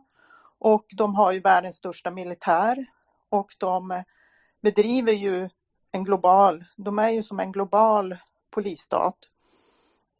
Och det är ju mycket tack vare att de har våldet de har ju liksom, de kan ju med våld styra. Och det är det som gör att de kan behålla. Nu börjar det ju krackelera då, då men, men och, och jag hoppas att det verkligen blir allt nu. Och jag tror, jag har en tillförsikt till att det här kan bli någonting bra. Jag tror faktiskt att vi kommer att kunna få något bättre. Men, men eh, jag tycker att det är väldigt intressant att se bak i historien och till exempel med Stalin då. Om man följer, jag har börjat följa på Instagram eller på... Hade du, hade du en fråga eller? Eh, jag säger bara att ni ska ha lite eftertanke och tänka och kolla på de com combate som finns på, på Twitter. Och det här med att eh, de, den bilden jag la ut, this man drained the swamp and they never forgive him for it det var ju Stalin, att vi kanske har blivit, alltså den bild vi har fått av till exempel Stalin, är den verkligen den sanna bilden? alltså titta lite utanför. Alltså förstår du, det är liksom, det finns så mycket som har dolts för oss. Ja, det är vi helt övertygade om. Och det börjar Jag tror att Stalin nu. Så, var något helt annat än vad han har blivit beskriven som. Något helt annat. Så det, det är liksom det jag tycker att man behöver liksom beakta och inte tro att det är precis det som vi har fått en bild av att det har varit. Vi är väl ganska, nej, tack Åsa. Vi är väl ganska övertygade om att den bilden som vi har fått eh, skedmatad, alltså indoktrinerad, inte stämmer riktigt bra överens med verkligheten. Det kan vi vara ganska säkra på. Och sen får vi väl se vart det, det tar oss. Men Cornelia hade en liten replik där, sen går vi över till Mott som Okej, men får absolut jag, bara, replik får jag bara säga en sak till då? Ja, jag vet Jag inte vet inte, om du jag får det. att, ursäkta mig, jag känner mig Nej, lite jag överkörd. För att ni säger att man ska få prata till punkt. Ja, jag, jag ville att du skulle ställa en fråga och inte komma med ett anförande i samma... Men alltså andra får ju sitta och göra långa anföranden utan Ja, att bli avbrutna, men jag blir ju avbruten. Så jag tycker Men du var ju färdig innan och sen skulle jag få svara på det och sen skulle du fortsätta din utläggning. Du, du tog ju paus och var färdig och så måste du få svar på det. Alltså, Nej men alltså jag gör väl som alla andra. kunna ha lite dynamiskt att nu sa du någonting och så vill vi svara på det och sen kan du säga någonting igen och sen kan vi svara på det. Mm. Det är inte så att du får en chans och ska säga allt du vet och sen ska du vara tyst. Det, det är väl en dialog det här. Ja, ja, men alltså han ville ju ge över ordet till en annan nu. Ja, Ja, jag men ville, vi, jag vill, vi, jag ville att alltså, du vi skulle är värdar svara. och bestämmer. Okej, men, men eh, jag säger så här, jag tycker att det känns inte rätt. För att det känns som att ni vill avbryta mig bara för att jag inte är inne i samma riktigt. Jag Nej är då, inte den nej som... då, nej då. Om du väntar lite här. Utan du, du kom med ett påstående eh, och jag vill att det skulle bli besvaras innan du gick in på nästa påstående eh, som du antagligen har. Så, eh, men du kan gärna få, få lägga fram alla påståenden, men då blir det ju lite monolog. Och det blir lite svårt för åhörarna att få ihop helheten där. Då. Men det är ju för om- att ni inte, när jag pratar och talar då om olika system och benämner det som kapitalism och socialism till exempel, då, då sågar ni mig och tycker att vadå, du är inne på det här med ismer och jag tänker inte besvara det, säger, säger. Det, är, det, Och det tycker jag redan, känns att köra över mig. besvarat. Ja, men det är ju faktiskt Nej, redan varför jag besvarat. inte besvarar... Liksom, Åsa, det finns ingen som har pratat så mycket i Spacet idag och det finns ingen som pratar li- lika mycket i TIS. Alltså det är ingen som kör över dig. Du har fullkomligt dominerat de här två senaste spacen. Så att du får prata, men du måste säga någonting och sen måste andra få säga någonting och sen får du säga någonting in och sen får andra. För annars kan du starta ett eget space och bara berätta allting vad du tror på. Då blir det ingen dialog. Nu tycker jag du kör över mig igen, för jag har inte dominerat. Jag har räckt upp handen, ingen annan har gjort det. Jag har fått ordet när det har varit min tur. Och det har... Tack Åsa. Ursäkta, har du en fråga till Cornelia eller till någon i panelen? Nej, jag du- tänker inte, jag tänker liksom, jag tycker inte det känns bekvämt. Jag tycker det känns, Nej, okej. det känns som att ni, ni sitter på makten och eh, att ni liksom försöker såga mig och jag vet att eh, det har Cornelia redan gjort. När jag har ifrågasatt henne, hon har blockerat mig från till exempel Okej. Facebook och så vidare. ha- Så jag tycker det blir lite hyckleri alltihopa, men okej. ja, Jag lämnar men- nu. Tack. Tack Åsa. Det, det, det kanske kan kännas så. Eh, för att förtydliga lite så kan Tobias eh, kanske komma in. Våran själsliga krigare i natten. Varsågod Tobias. Tjena alla trevliga, glada människor. Jag måste säga, jag är sent inkommen i spacet. Jag har inte hört allting. Eh, men jag hör friktion, vilket är väldigt bra. Eh, för att komma vidare också och samtala och bryta saker och ting. Eh, viktigt. Åsa hade jag gärna haft kvar här. Och jag vet inte om hon hör, men det här med eftertänksamhet är ju självklart stort att ha med sig. Men förtänksamhet är nog större eh, många gånger. Eh, vilket man också kan tänka på. Så. Sen hör jag det här med ägande då som eh, ni har varit inne på. Privatisering och så vidare. Och det är klart att det, det kommer ju från de här ismerna men nästa steg blir ju att eh, förstå vad det betyder också då utifrån ett nytt samhällsperspektiv. Att, och vart är mänskligheten i sitt medvetande, mognadsgrad och så vidare. Vi kommer ju från konkurrens och utslagning eh, som resulterar i, ja, men i förödelse och död. Alltså det är ju inget samhällsperspektiv överhuvudtaget där, där vi hjälps åt. Och den här unipolära världsordningen som nu krackelerar och där vi går in i multipolär världsordning med transparens öppnar ju upp alla möjligheter till, till att lyckas där egennyttan tar död på sig själv. Det kommer inte funka. Och då tänker jag så här att det privata ägandet, det går inte att radera på en natt heller men ta tanken längre vad, vad ägande innebär då. Om man utgår ifrån sig själv så, så stannar ju ägarskapet för mig väldigt snabbt i att jag kan faktiskt bara äga mig själv, min egen tanke. Eh, allt annat begränsar ju, om, om jag äger någonting utanför mig själv så är det bara en begränsning för andra. Och ett öppet, transparent samhälle med där all, all, alla människor är värt ett liv så, så ska ju ingen annan kunna äga mer än någon annan. Så sett. Men här, här vill jag ju vända på ordet och det, det är ju mer en filosofisk fråga i dagsläget men, men jag tänker i banorna om brukanderätt mer utifrån medvetande och återigen då till transparens så, så visar ju det här hur mogen individ eller individer är för att bruka mark till exempel eller eh, ting då. Och det spelar ingen roll om det är så kallad privat regi eller om det är då mer centraliserat för, för samhällsnytta då. Där, där vi behöver ha någon central punkt att utgå ifrån med, med skydd och hjälp. Så, så handlar det om medvetande och brukande rättigheter till det då. Men att inte låsa ute någon för något så har, har man då enligt en filosofisk tanke brukat en jord eller mark och ting till det eh, värdigt och inte låst in sig där. Då ser jag det som att då spelar inte volymen av det någon roll så. Men det här är ju, känner jag att mänskligheten inte är mogen för så det kommer fortfarande heta eh, ägande även i, i en övergång.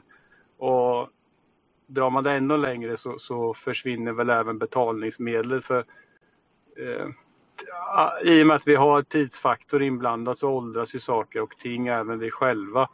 Och, och tids nog behöver vi hjälp av varandra när vi är äldre och blir omhändertagna så, så, så det måste ju finnas ett samhälle som fungerar med, med skyddsnät där vi hjälps åt. Ja, jag ska inte krångla till det mer men det var en tanke jag hade runt ägande som vi kan som man kan tänka lite längre i alla fall. Tack! Tack Tobias. Eh, jag tänker nyttjande istället för ägande. Lånande, brukande. Ja. Vad tänker du Cornelia? Ja, nej, men jag tänker så här att eh, jag tror inte alla kommer ha samma, jag tror inte alla kommer bo eh, på samma plats i samma hus, utan vi kommer fortsätta ha lite olika vi har ju faktiskt olika behov, olika önskemål. Om du till exempel eh, Eh, har många barn så behöver du en stor bil. Om du inte har det så kanske du behöver en liten bil. Om du är en stor familj så behöver du ett större hus. Annars kanske du vill ha det lättskött. Eh, vissa vill bo i stan för att det är nära och vissa vill bo på landet. Så det kommer fortsätta vara väldigt olika och målet är inte att alla ska ha prislika. Men om det inte finns en brist på det viset Eh, i Maslows trappa utan det finns mer ett eh, det grundläggande är tillgodosett.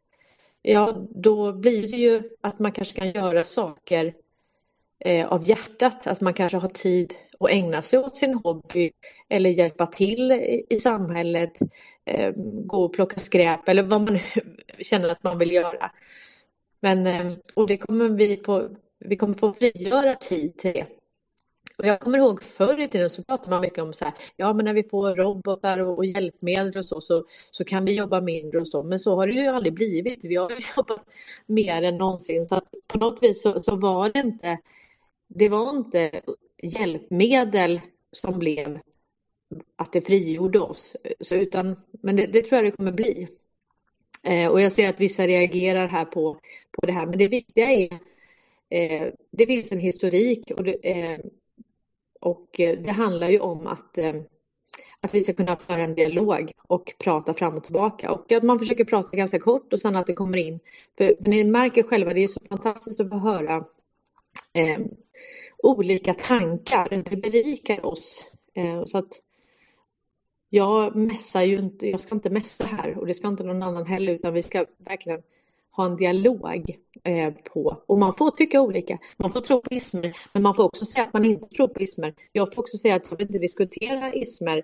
Eh, om någon annan vill tro på ismer så, eh, så är man fri att göra det.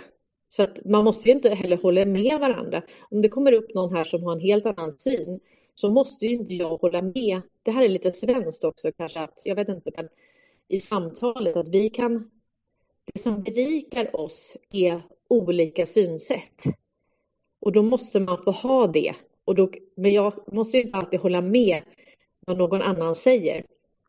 Eh, och eh, därav så sa jag att jag vill inte diskutera ismer för jag tror inte ens på den. Det är ungefär som att prata utifrån eh, en religion. Nej, men det är jag inte heller beredd att göra för jag tror inte på det heller. så, att, eh, så tänker jag. Nu släpper vi fram fler. Ja, vi hade ju mot Bombadil eh, som eh, viftade lite. Vi har även eh, Carol. Eh, jag, läser lite kommentarsfält. Eh, förutom Ismer så säger Åsa exakt samma som Cornelia och alla andra här. Ja, till stor del, men eh, fokusförflyttningen och eh, gå tillbaks till eh, lite annat men jag, jag håller med. Det, tanken eh, i grunden är ju god då att eh, den här kapitalismen eh, som nu då är, den mest påtagliga, eh, den ska ju bort. Egoismen ska ju bort. Och det, det, det är väl alla överens om. Eh, det, det, låter ju bra i alla fall. Vi är väl långt därifrån. Eh, men vi, vi jobbar, jag jobbar för det i alla fall. Men även om man har ett, ett ego, men man behöver inte vara egoist. Eh, man, man kan ju nyttja, man behöver inte utnyttja. Man kan ju bruka, man behöver inte missbruka. Så det finns ju en balans som man ska försöka uppnå där. Eh, vad säger du Carol? Vår medvärd som är så beskedlig och håller upp handen. eh, tack. Eh, nej, jag håller med dig också Magnus. Alltså man hör, jag hör eh, mellan raderna att vi har nog samma eh, tankegrund i det vi säger.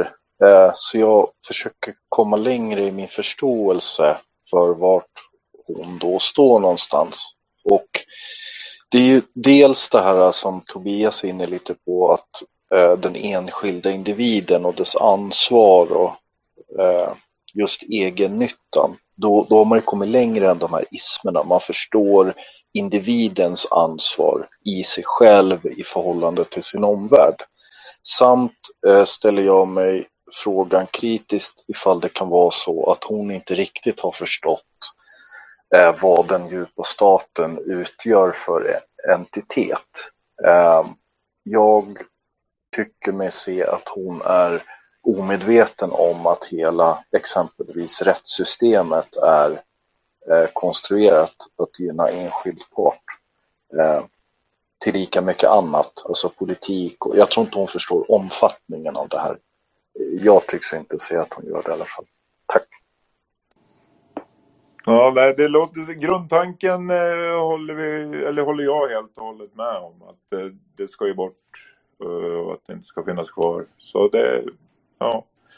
Omedvetet medveten. Eh, jag tänker inte sätta något epitet på det. Men Tony, varsågod.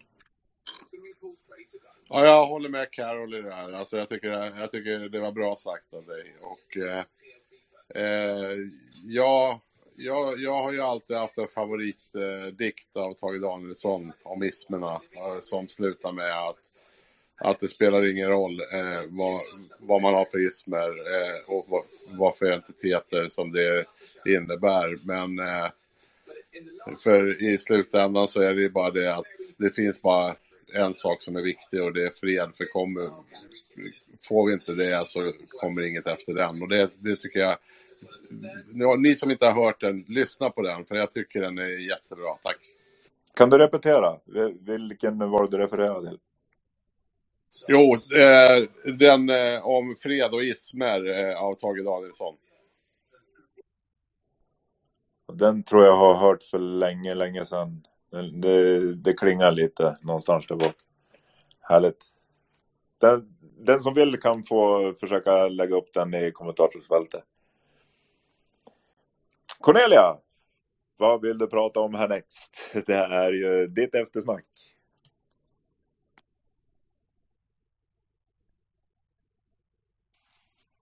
Eh, så, nej men jag, jag känner att vi, vi fortsätter. Jag tror Tom ville prata lite.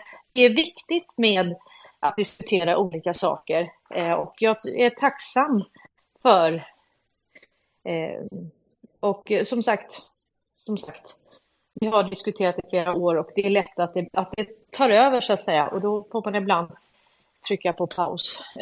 Annars så blir det för ensidigt. Så att eh, jag vill fortsätta prata om det här med ägande och brukande och eh, religion och, och ismer och eh, lögn och bedrägerier.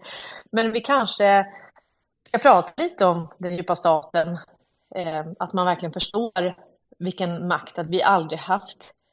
Vi har inte haft en ism, men vi har inte haft eh, en fri marknad, utan vi har haft företagsintressen som hela tiden har varit haft en hundraårsplanering och eh, jobbat strategiskt med synergieffekter och samarbete och såklart leverage. De har haft sån, eh, sån sånt övertag för att de har suttit på kontrollen av strategiska eh, funktioner och eh, eh, produkter och tjänster.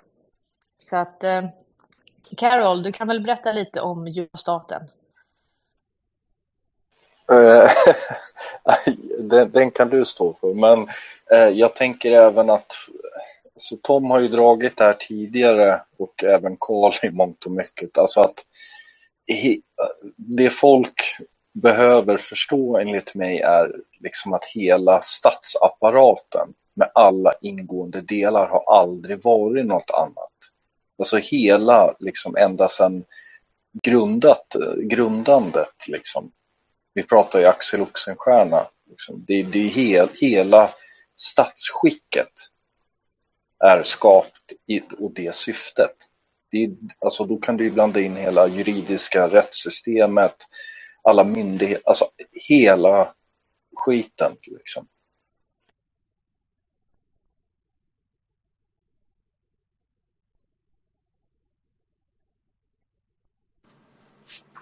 Ja, men visst är det väl så. Allt. Hela skiten. Bra, bra sammanfattat avslutande replik där. Det, allt har ju smetats ner av folket med fingrarna i syltburkarna. För egen vinnings skull. Vinstmaximering på största möjliga lidande. För andra. Eh, jättetråkigt, men eh, bättre ska det bli. Slenlund har viftat lite. Eh, vad djupa staten är för mig är ju mer är att det är någon egennyttig som man sitter och bestämmer över att hur, hur mycket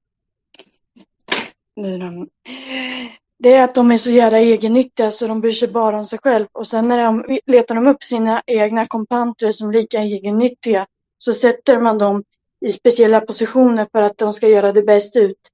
Men sen är det så att när de inte behöver den här andra, den medhjälparen eller hantlangen, så kan de enkelt ta bort den om man sitter högre upp i systemet som Wallenberg har alltid gjort. Det är exempel på vissa saker. Jag tänker på den här historien som jag kommer ihåg när jag tittade på om judarna i gettot. Det var en jude som, en gammal judeherre som sorterade ut vilka som skulle till Auschwitz. Men till slut så fick han åka själv, för de behövde inte ha honom. Det är ju alltid så det är därför de har, behöver ha sina kontrakt till varandra, så de har det där, så de har tillit till sig själv för att de inte kan lita på varandra och inte sig själva. Det är det som är problemet med den här djupa staten, att de litar bara på sig själv och i sin egen vinnings skull. Som Karl har påpekat också. Det ser man ju liksom, det är därför de behöver ha kontrakt.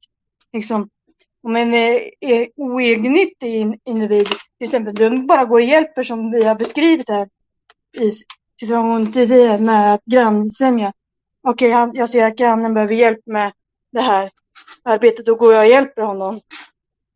Det, det, och det, och eh, det är ju det som är grejen. Det är för mycket egennyttiga individer i ett system som har skapat ett system för att kontrollera sig själv från sin egen egennytta kan man säga. För att jag ska bli den mest egennyttiga så sitter jag högst på toppen på pyramiden. För Wallenberg var ju inte högst upp alltid på det här. Eh, Tobias vill kanske säga något. Det vill han. Han har handen uppe. Tobias. Ja, djupa staten. Eh, det är ju lite hur, hur man vinklar och tittar ifrån. Eh, det är klart företagsintressen som sitter samman globalt eh, på toppen och håller rygg på varandra och hjälps åt att dra med banker som grundläggande då genom betalmedlet och sen är ju verktygen då i den här moderna tappningen rätt så givet med telekominfrastruktur för informationsfördel Eh, kraftförsörjning är ju också ett väldigt vasst vapen. Så här kommer ju Wallenbergarna in på toppen med Ericsson och ABB. Sen eh, skulle ju inte de här, för det är ju bortåt 1 procentarna som vi pratar om då. Sen är, det väl säkert inte 1 procent heller av den eh, toppen på pyramiden i, ur befolkningsmängd. Men jag skulle säga att problemet är ju inte 1 procenten utan det är ju 99 procentarna då eller ja, opinionen då. Inte vi i det här rummet skulle jag säga. Vi är ganska så motståndare mot det här systemet. Så jag skulle även lägga en vinkel på att vi, eller opinionen är djupa staten för annars skulle inte djupa staten finnas. Så det är ja, en liten vinkel, tack. Tänkvärt. Hur definierar du djupa staten, Cornelia? Ja, som eh, så tror jag liksom att det har förändrats över tid. Eh, men man kan väl säga att i och med telefonen, digitaliseringen som vi pratade lite om igår med eh, de första aktiebolagen kommer från Sverige. Eh, första Riksbanken kommer från Sverige, centralbanken. Eh, så, så har vi ju varit, den här ingenjörskonsten kommer ju, för i och med att det första företaget var i Sverige och det finns företag över hela världen. Så på något vis så har det blivit, de har sprungit ifrån resten. Och jag, jag förstår att det kan vara svårt att tänka att det är svenskar som har varit så driftiga, men samtidigt borde det inte ligga så vara så långt borta, för att vi har ju verkligen klappat oss på bröstet att vi är så innovativa, vi är jättestora inom musik, eh, vi har jättestora globalistiska företag som är världskända. Så att eh, eh det, det är så att vi, vi sitter på konst som är eh, av rang, så att säga. Jag skulle vilja säga att det är, det är företagsintressen som samverkar och att man har förstått då att det är informationsövertaget som är grejen. Och så, ju mer vi har blivit digitala och uppkopplade, eh, kommunicerar eh, på olika sätt, så har de här företagsintressena, du har spelat dem rätt i händerna, för de har inte bara de råkade inte vara där och positionera sig, utan de har lett hela utvecklingen dit vi är idag. De har lett hela digitaliseringen, hela, allting med telefonen, allting har de skapat. Så det vi har nu, det är skapat av någon, det är ett skapat behov. Så det är ingen slump att vi är, att, att vi är där vi är idag, utan det är liksom hundraårsplanering från de här företagsintressena. Så det blir också intressant när man pratar om ismer, för då är det någonstans att, att det skulle vara folket som styr någonting eller att det skulle vara politiker som styr någonting. Det, det är inget utav det, för det är inte ens de som styr, utan det är den djupa staten, det är de här företagsintressena som kan hålla tillbaka tillgången. Det, det är de som styr. Socialism, kapitalism, ja, det är liksom vad, vad folket ägnar sig åt spelar ingen roll när det är den djupa staten som kontrollerar. De behöver inte äga allt ens en gång. Det räcker med att de kontrollerar det och styr och kan hålla tillbaka tillgången och, och så vidare. Så tänker jag. Och det är inte så svårt att få. Men, och då känner jag att det här med, med politiker eller ismer, det är väldigt långt. Alltså de har verkligen ingen makt i det här. Så tänker jag. Tack. Jag satt och läste lite kommentatorsfälten. Ja, tid för eftertanke. Eh, jag vet inte vilken som hade tassen uppe först, men eh, som i vanlig ordning. Ja. Ja, och jag tänkte ge Luna ordet ändå, för det är ju damerna först. Såklart. Luna. Tack Carola för att du gör det. Det är ju lite så, det är ju en cirkel och en cirkel där. De har ju försökt uppfostra oss till vissa hur svenskar ska vara, hur amerikaner ska vara, hur den och den. För att få in oss i visst mönster som kan styra oss. För skolsystemet kom in där också. Vem är det som har tutat i oss de, alla, de här, alla idéerna? Jo, det är skolan. För de är ju, och, den, och sen när man verkligen går in och kollar på var pengarna kommer ifrån. Till exempel Karolinska institutet. Ja, där har vi ju Knut och Wallenbergs Vacations eh, och sen har, ursäkta, Knut och Alice stiftelse, jag är så van att prata engelska. Sen har vi ju Bill Gates, eh, Bill Gates eh, stiftelse, vad heter Bill Gates och Malinda Gates stiftelse, nu fick jag också gett pengar till det, så det gäller bara att titta på alla de här stiftelserna. Och det är ju så skolsystemet, jag har liksom kollat i Irland och hittat grejer som är de ger pengar till, för Ericsson är väldigt stor på Irland, konstigt nog. De håller på att utveckla, de är, tränar unga för att bli utvecklade till deras företag. Det är skatteparadis här. Också, ja. Självklart. Jag, jag glömde bort den biten. Men grejen är att de vet vilka länder som ska göras och vilka länder som ska göra det och det. Det är deras planering.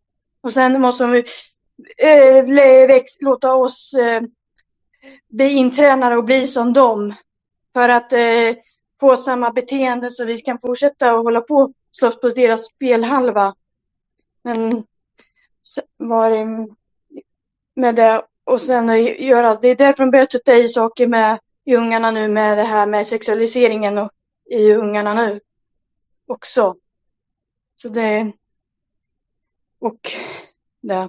Ja, nu, jag, jag kan få ta över. Tack Sven Luna. Ja men det är ju så sinnrikt konstruerat.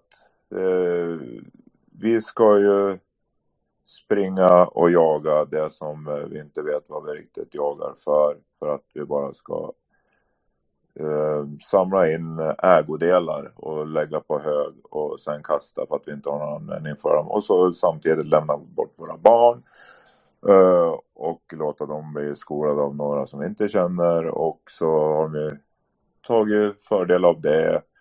Samtidigt så har vi tittat på tvn och blivit itutad vad vi ska tycka där. Så det, det är väldigt sinnrikt det här. Man måste ju nästan ge en liten golfklapp. Men det tänker jag inte göra. Stiftelser, Carol, det kan ju du lite om, men du har säkert någonting annat eh, på hjärtat också. Eh, ja, jag tänkte på eh, det som har sagts tidigare. Eh, att vi har alltså befolkningar runt om i världen som går i tron och följer det styrelseskick och det juridiska systemet och statsskicket inom var, varje enskilt land i tron om att eh, det som råder idag går att påverka politiskt, bara man får en majoritet. Men den här entiteten spelar inte efter samma regelverk, vilket gör att deras sätt att tillskansa sig makt går inte att... Det blir någonstans, det går inte att bryta ge inom eh, spelets ramar så att säga. Det går inte att påverka i någon politisk riktning. För vi har en befolkning som går... Um, vi är födda i tron om att det här är det enda styrelseskick som i sin grund som kan existera. Uh, vi har svårt att tänka någonting annat. Eh, det märker man också problematiken med att behöva, när man pratar med folk, att de vill höra ett alternativ. De, det, det tydliggör komplexiteten i att tänka någonting annat. Eh, så att politikerna får ju, de är ju tillsatta för att ta hand om eftermälet som blir av vad den här entiteten har skapat. Eh, och så har vi befolkningar som springer i, ett, i förtroendet eh, som hela tiden måste bevaras. Så att raseras förtroendet för eh, styrelseskicket, då försvinner också makten hos de som innehar den reella makten. Eh, tack. Så är det. Mott Bombadil hade kardan uppe innan han försvann eh, ut ur spacet av outgrundlig anledning. Men eh, vad var det du ville tillföra Ah, det var då det. Nu har jag breaking news. Nu tar vi bort de tillfälliga passen från alla flygplatser och myndigheter. Nu är det just med dem. Så eh, det kan ju vara lite intressant att veta. Jag tyckte det var en breaking news då. Tyvärr fick jag ett samtal jag var tvungen att ta. Eh, men eh, oavsett det, breaking news. Inga vad mer... Innebär, vad innebär det lite mer? Det, det, innebär att om du tappar bort ditt pass så får du vänta ett halvår så du kommer inte härifrån. Det vill säga det att det är som att eh, Eh, stoppa tåg, rasa motorvägar och eh, man begränsar eh, framkomlighet, man begränsar rörelseförmåga riktigt ordentligt. Och detta är ju också då för att begränsa, skulle jag vilja säga, de som tänker sig att nu börjar det nog bli dags att sticka härifrån. Så man preppar på att stänga igen Sverige. Så, och det, det är ju för att klösmärkena ska vara på insidan av muren då, som så man har koll på folk. Det är det det handlar om. Man begränsar rörelsefriheterna mer och mer för varje dag som går. Då. Och, eh, det är väl frågan om vem som ska begränsas där. Är det eh, vi eh, så att säga eh, vanliga men ovanliga medborgare eller är det de som kanske har gjort lite så kallade nefarious, lite, lite mystiska aktiviteter eh, under sina karriärer i det offentliga eller i det privata som kanske då ska begränsas eh, så mycket som det går. Det är ju svårt att säga, men eh, min gissning är ju att man begränsar just det här med passen och den här förra passgrejen med de här 167 000 passen som någon betalade för men ingen hämtade ut borde väl ha fått lyft lite fler ögonbryn än vad, än vad det gjorde. Så att nu gör man ju det igen då. Det här är ju optik ordentligt. Nu är det stopp på tillfälliga pass typ överallt. Från 1 november är den möjligheten helt borta eh, vad jag kunde höra på nyheterna här i alla fall i, i bakgrunden. Och det, det, det är en repetition av samma optik fastän också blir det ju effektivt att man inte för de människorna som de är, har tagit passen för kan ju inte hämta ut ett nytt pass då. Där någon helt enkelt har sett till att eh, passet är väl inlåst och då, då blir det ju lite värre att ta sig iväg, i alla fall om man inte ska göra det billedes eh, eller liknande då över obevakade övergångar så blir det ju ändå, du, du flyger ju inte ut ur landet utan ett pass liksom. Eh, så är det ju bara. Så det är väldigt trevligt, eh, tycker jag. Jag tycker det är jättetrevligt. tycker det är skitbra. Ja, ja men ab absolut. För, ja, om eh, vederbörande har fått passen indragen eller jag tänker det finns väl de som eh, faktiskt inte har eller har haft pass också eh, på inresa tänkte jag då.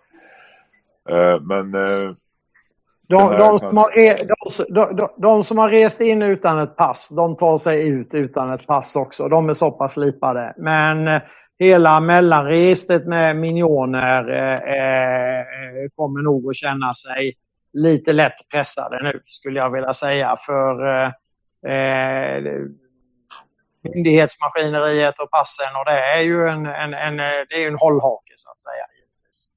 Så, så ligger det ju till.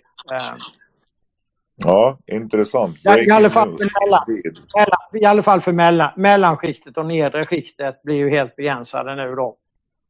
Och det, det, innebär ju inte bara för att du har ett pass när du kommer till, till och, och ska checka på ditt flyg till, till vad du nu ska försöka sticka hem då. Det hjälper ju inte att du har ett pass som du säger beep där och det står tre stora biffar och plockar upp dig liksom. Nej, du ska nog inte ut och flyga, står det här på vår dataskärm. Eh, sådär. Eh, när man väl är i den miljön så är man ju inte så himla... Eh, ja, det går inte att göra så mycket när man är där. Jag ser att Cornelia har tassen uppe. Det här är hennes space. Så eh, I rest my case. Jag skulle bara säga det om, om passen. Att det där väckte en konspirationsteoretikern i mig. Jag undrar lite hur det där har använts eh, och missbrukats. Jag tänker samordningsnummer, jag tänker allt möjligt, de här falska identiteterna eh, som har cirkulerat. Det kanske är precis det de har använt sig av hela tiden. Ja, vi får gräva i det här alltså. Där fick vi någonting att gräva i och den som brukar gräva i allt, det är Selene Luna. Varsågod, Selene Luna.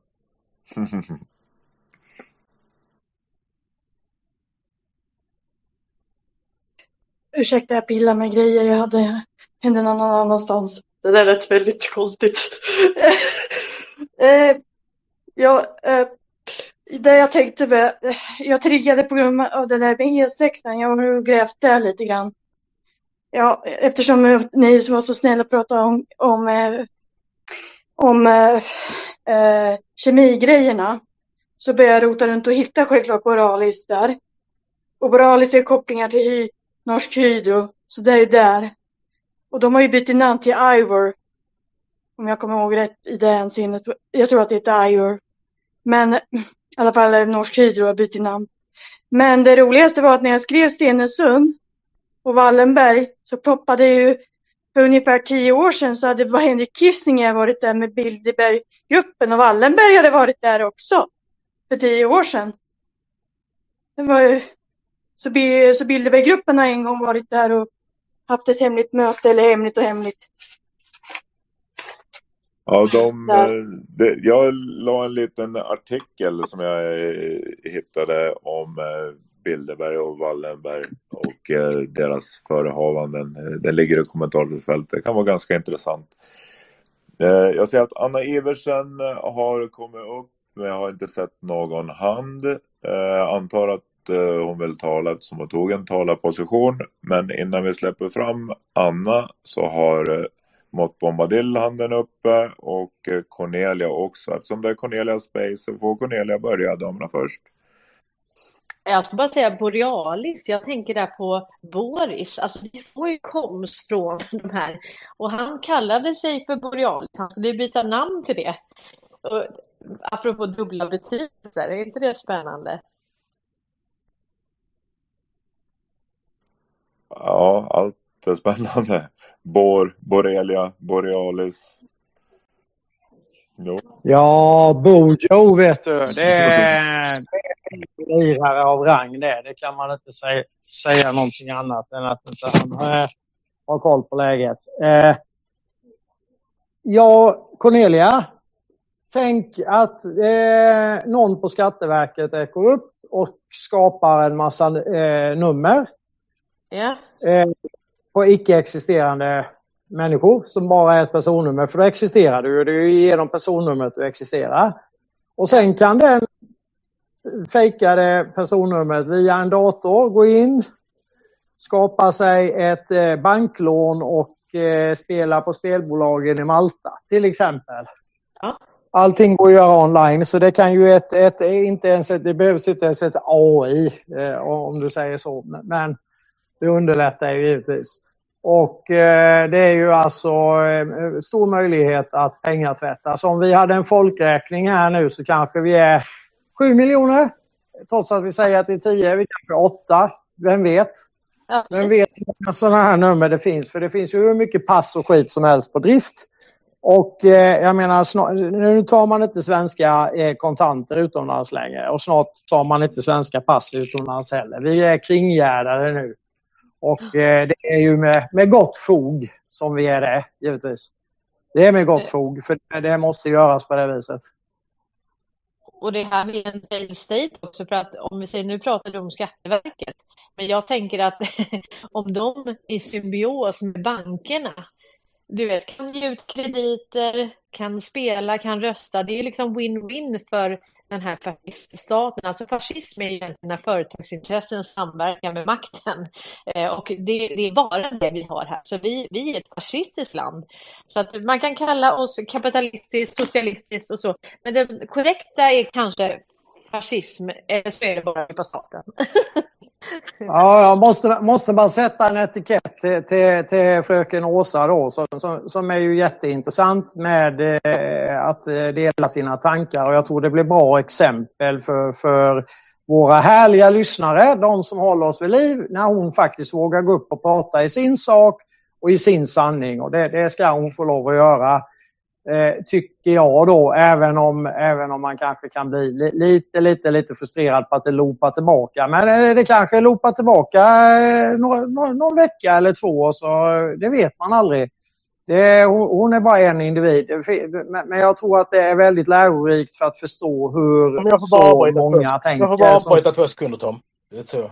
Det Cornelia pratar ja, ja. ja det, kör, kör. Den Cornelia hon pratar om just nu så har det alltid sett ut genom historien. Det är bara det att de har blivit bättre och bättre på att och, ja, kontrollera styrmedlen så att säga, över tid alltså. Så eh, det som ni ser idag, det har redan förevarit. Alltså gång på gång på gång. Det är därför vi återupprepar historien. För de som påstår att vi inte ska göra det, det är de som ser till att göra det helt enkelt. Mm, det var det enda. Nej, Marcus, utveckla det lite till. Är du gullig? Ja, alltså poängen i det hela är att man har ju alltid haft alltså, spionorganisationer genom historien. Alltså för att kontrollera helheten, mänskligheten i, i stort så att säga. Och eh, med det då sagt att över tid så har man blivit bättre och bättre på den här befolkningskontrollen och det har aldrig varit någonting annat än just finansiella intressen i grunden. Vem som har suttit som kung har varit skitsamma för att det är ändå handelsintressena som kontrollerar alla naturresurserna. Alltså det man behöver för att överleva så att säga. Och det i sin tur förändras ju teknologiskt över tid så att säga. Här är ni? Svenskismen. Ja, Stockholmsbyråkratin eller någonting sådär liksom. Ja. ja, det är, det är fascinerande. Måste jag säga. Välkommen Marcus Ljunggren. Eh, du har ju ett... Eh, du är huvudtalare ikväll. Och eh, vad var dagens ämnen i det historiska spacet? Du kanske kan dra en liten snabb reklamsnutt om det? Ja, alltså på tal om det vi just nu pratar om det så, här, så går det ju att dra direkta paralleller, inte minst till förbudstiden i, i USA en gång i tiden. Eh, där svenska intressen med, alltså, på belagda grunder är inblandade i, i, i alltså både alkoholförbud och sen då sedermera är att sälja själva alkoholen. Alltså förbudet skapade marknaden och då pratar vi ändå alkohol liksom. Och eh, de här människorna de infiltrerar naturligtvis statsförvaltningen för att tvinga fram det här förbudet. Alltså först väcker man opinion med nykterhetsrörelser och hej och liksom. Och målet är kontroll i slutändan naturligtvis. Mm. Så att eh, det ska vi gå in på ikväll tänkte vi. Jajamän. Och eh, dagens rubrik på det historiska space är familjen Lundins inblandade i förbudstiden. Patenträtter, patenträttigheter och Al Capone. Huvudtalare är Mattias Andersson och Marcus Ljunggren. Det är eh, 17 minuter över 19 ikväll. Missa inte det. Då får ni en historielektion utan dess like. Det kan jag garantera. Vi har haft några sådana tidigare. Eh, exakt antal har jag inte på min läpp just nu, men det är ett 30-tal. De finns eh, att finna på vår Youtube-kanal, Mordor Spaces. Och eh, några av dem finns även att eh, finna hos eh, vår kära värd, Mr Mott Bombadils sekreterare. Eh, rubrikerna finns där. Eh, det finns i mp3-format också eh, hos oss medvärdar och eh, våran värd. Det finns även eh, på Facebook eh, på min profil. Det är lite sporadiskt utdelat. Eh, vill, eh, vi vill ha fler, upp fler och som eh, ställer frågor och kommer med, eh, med funderingar. Eh, vi har en Eva på väg upp här. Eh, det finns säkert fler frågetecken att räta ut. Eh, vi har hållit på nu i dryga två timmar, men Cornelia får bestämma hur länge vi ska hålla på. Jag tänkte Anna Iversson får, får prata också. Jag ska bara säga till dig Marcus att eh, New and Old Tech som eh, följer här på Youtube, han har faktiskt översatt. Jag tror att du har skrivit en artikel som är typ 145 sidor om historien. Jag har dragit en, lin- jag har dragit en linje i Adetsar som går att tråda ut så att säga. Eh, precis, och den har han översatt till engelska. Så vi bara kollar igenom det nu så kommer vi släppa ut den. Förstår vilket arbete New and Old Tech har suttit med. Eh, ja, så är det ju. Helt fantastiskt. Så den ska vi, kommer vi släppa ut inom kort och Anna sitter faktiskt med den just nu och hon är speaker här också. Det är hon. Anna Iversen, välkommen. Tack så mycket. Jag kom på lite sent idag. Jag var i ett möte men tänkte att det var kul att se att ni fortfarande var igång när jag kom ut. Och eh, som eh, Cornelia precis har sagt så sitter jag faktiskt med den texten just nu och arbetar igenom den. Så den ska kunna eh, bli en ganska bra eh, artikel på engelska också. Som kan... Alltså den är redan översatt till engelska. Den finns på engelska. Ja, den är översatt men jag går igenom den och det, det, du vet, ehm, det finns ju saker som kan göras lite mer, ehm, vad ska man säga? Ännu tydligare, ja ja. Nej, men det är lugnt. Det är jag, jag, jag har lagt den på, alltså jag har ju stulit säkert 70 av texterna. Det är bara att jag har satt ihop det till en, en, linje, en linje som jag tycker liksom, det här, det är så här man behöver se det. Liksom.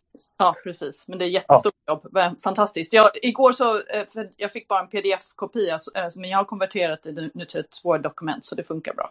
Ja, ja. Jo, nej, det tog sex år att läsa sig dit. Så här, det tog två veckor att skriva den. Ja, Ungefär, ungefär så. Liksom. ja precis. Men det jag ville säga tidigare, eh, det var det där med passen. Eh, En observation, det är alltid roligt att, när man har observerat någonting eh, i verkligheten själv. Och det är att jag bor ju i London. Och ända sedan pandemin så har det varit närmast omöjligt att få ett pass utställt från ambassaden här i London. Mm, mm. Ehm, och det börjar med att man, man brukar bara kunna gå in på hemsidan. De hade tidigare vissa tider man skulle logga på för att säkra, säkra att man fick en tid. Men, eh, och det tror jag fortfarande de har som system. Men min man han är ju så här technörd så han, han satt varje dag i åtta månader och försökte få en tid på ambassaden och det gick inte. nej, det är inte klokt. Ja, så det var fullständigt omöjligt. Så, eh, jag tycker bara det var intressant att observera. Ja, ja. Ja. Jo då. Nej, men eh, det är ju sådana händelser som på något sätt bekräftar eh, verkligheten för vad den ser ut. Liksom. Ja. Alltså egenupplevda upplevelser. Liksom. Så är det ju. Ja. Och sen så var det lite svårt för mig att eh, få en tid i, eh, att beställa pass i Sverige. Jag fick eh, till slut fatt på en person jag kan tala med i telefon för att eh, jag har ju ingen bank-id och tänker inte skaffa något heller. Nej. Ehm, och då, ja, det var också en process. Ja, ja, nej, men så är det ju. Ja. Ja, nej, jag kan inte påstå att jag har dragit det så långt. Det så här, Alltså, jag har egentligen ingenting emot de här digitala strukturerna, men det måste ju vara under allmänhetens kontroll och det är ju det vi diskuterar här. Liksom. Ja. Eh, Jag menar tekniken i sig är ju skitsmidig för alla och, och det ökar ju liksom, vad ska jag säga, möjligheterna att skapa alltså mer eller mindre eh, ett hållbart samhälle utan att vi behöver jobba ihjäl oss. Liksom. Det, Ja, jag det är därför så många det- människor faller för det också. För att det, Ja, är, ja. ju- det är ju smidigt och det ska ju, livet ska ju inte vara svårt eh, och jobbigt. eh, Och därför så är teknologi jättebra om det finns i rätt Ja, ja, ja, ja. Nej, men alltså det är ju det här liksom, det är kontrollen som är problemet. Mm. Eh, och det är ju, alltså det, det, alltså folk de hänger ju ofta upp sig på pengarna men det, det handlar inte ens om pengarna. Liksom. Det handlar ju om kontrollen i sig. Liksom. Och vad, vad då pengar, telekom och, och kraftförsörjning innebär i det förhållandet. Liksom. Och eh, så kan vi naturligtvis, speciellt inte det när de sitter och, och lagrar in all information om oss för att kunna bekämpa oss till, till sin helhet ur bulkdatan man plockar ur det där. Liksom. Ja, och nu när vi vet att pengar bara är en illusion så kan det ju inte vara pengarna. Det är bara hur vi la oss nere. Mm. Ja, ja. ja, ja. Men det kommer att ordna sig. Det, det viktiga är Ja. liksom att vi gör det vi gör just nu, så att vi diskuterar på saklig grund helt enkelt utan att bli alltför egostyrda. Och det händer den bästa så är det bra. Spe, speciellt alltså, när man får mothugg så från familj och annat. Liksom. Men den ödmjuka vägen är oftast, eller rättare sagt det tar till i varje fall 95 procent den, den vettiga vägen så att säga. Ja, men är det inte också fantastiskt vad mycket, vad, mycket vi har kunnat växa under den här perioden? För att, Ja, eh, det är ja. Och det är ju det som är så roligt. Ja. Ja. Ja. Och all den, eh, all den ilska och eh, ja, många negativa som man hade från början, de är ju i alla fall, jag har inte dem kvar längre. Men det där är ju egodöden liksom. Mm. När man har gått tillräckligt långt så här, vet, så man känner inget behov längre av att trycka ner andra människor utan men man får Nej. ta dem där de står helt enkelt. Så är det bara. Precis. Insiktsfulla åsikter. Eh, jag har fått eh, lite information här att det kan komma att brytas det här spacet. Vi har kört i två timmar lite drygt. Eh, Cornelia får bestämma om vi ska köra vidare. Bryts det så kommer ett nytt space att komma upp. Ögonaböj och ni får aviseringar snabbast genom att följa Mr. Mott Bombadils sekreterare, sekreterare, våran värld. Följa henne och slå på alla aviseringar på den lilla bjällran på hennes profilbild. Så gör gärna det. Cornelia, ordet över till dig. Jag tänker så här, vi har Eva Lund som är speaker, hon har inte pratat. Vi har Torbjörn som är speaker, som inte har pratat. Eh, så jag tänker att vi släpper på dem. Och sen hade Tom någonting att säga. Och sen kanske vi bara rundar av. Men jag vill jättegärna höra de som har kommit upp här nu, som inte har pratat innan. Väldigt intressant.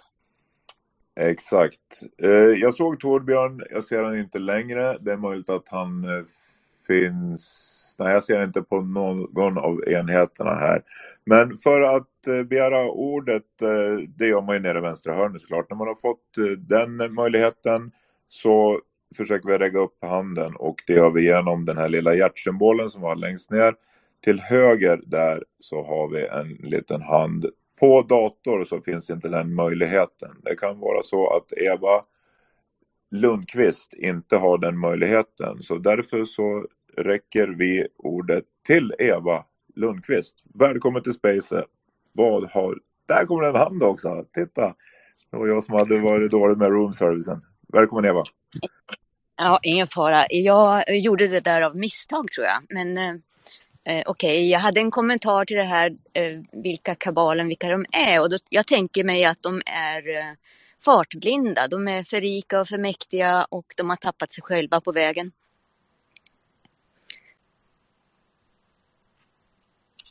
Var det något som hördes? Ja, det, ja, det hördes eh, klockrent. Ja, och så ska jag bara säga, jag håller, jag håller på att lära mig så att jag har inte så mycket andra kommentarer än. Nej, men det, tack så jättemycket. Det var väl ingen eh, dålig reflektion? Nej, det tror jag inte. Ja, tack så mycket. Ja, tack jättemycket. Ja. Underbart att ha det här. Var inte rädd eh, att komma upp och ställa lite frågor och eh, eventuella svar. Det, det är ingen fara alls. Jag ser att Torbjörn är fortfarande kvar i spacet men han hoppade ner från talarposition.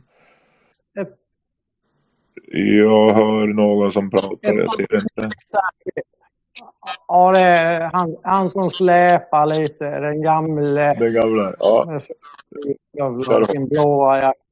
Han ska bara säga till Eva det att trafikpolisen tog dem redan under, eh, låt oss säga under Obama-perioden.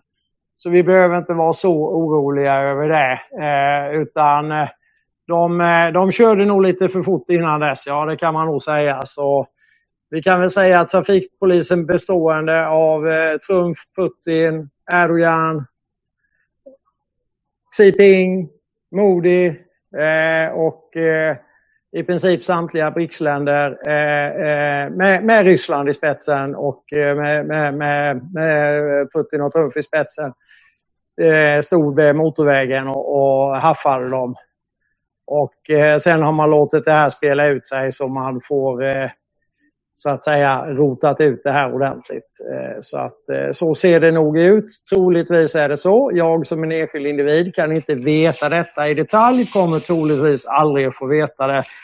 Men det skulle förefalla med den informationen som vi har idag med Apache-helikoptrar, Ospreys eh, ovanför våra huvuden med militär verksamhet runt om i landet med eh, våran eh, kära eh, eh, paragraf 74 som är tillagd om eh, att eh, annan entitet kan ta över landet. Att Sverige är en failed state, det kan vi alla utgå ifrån. Det var länge sedan det hände och det har fått fortgå under falsk neutralitetsflagga i århundraden och till slut så tröttnar man på detta då.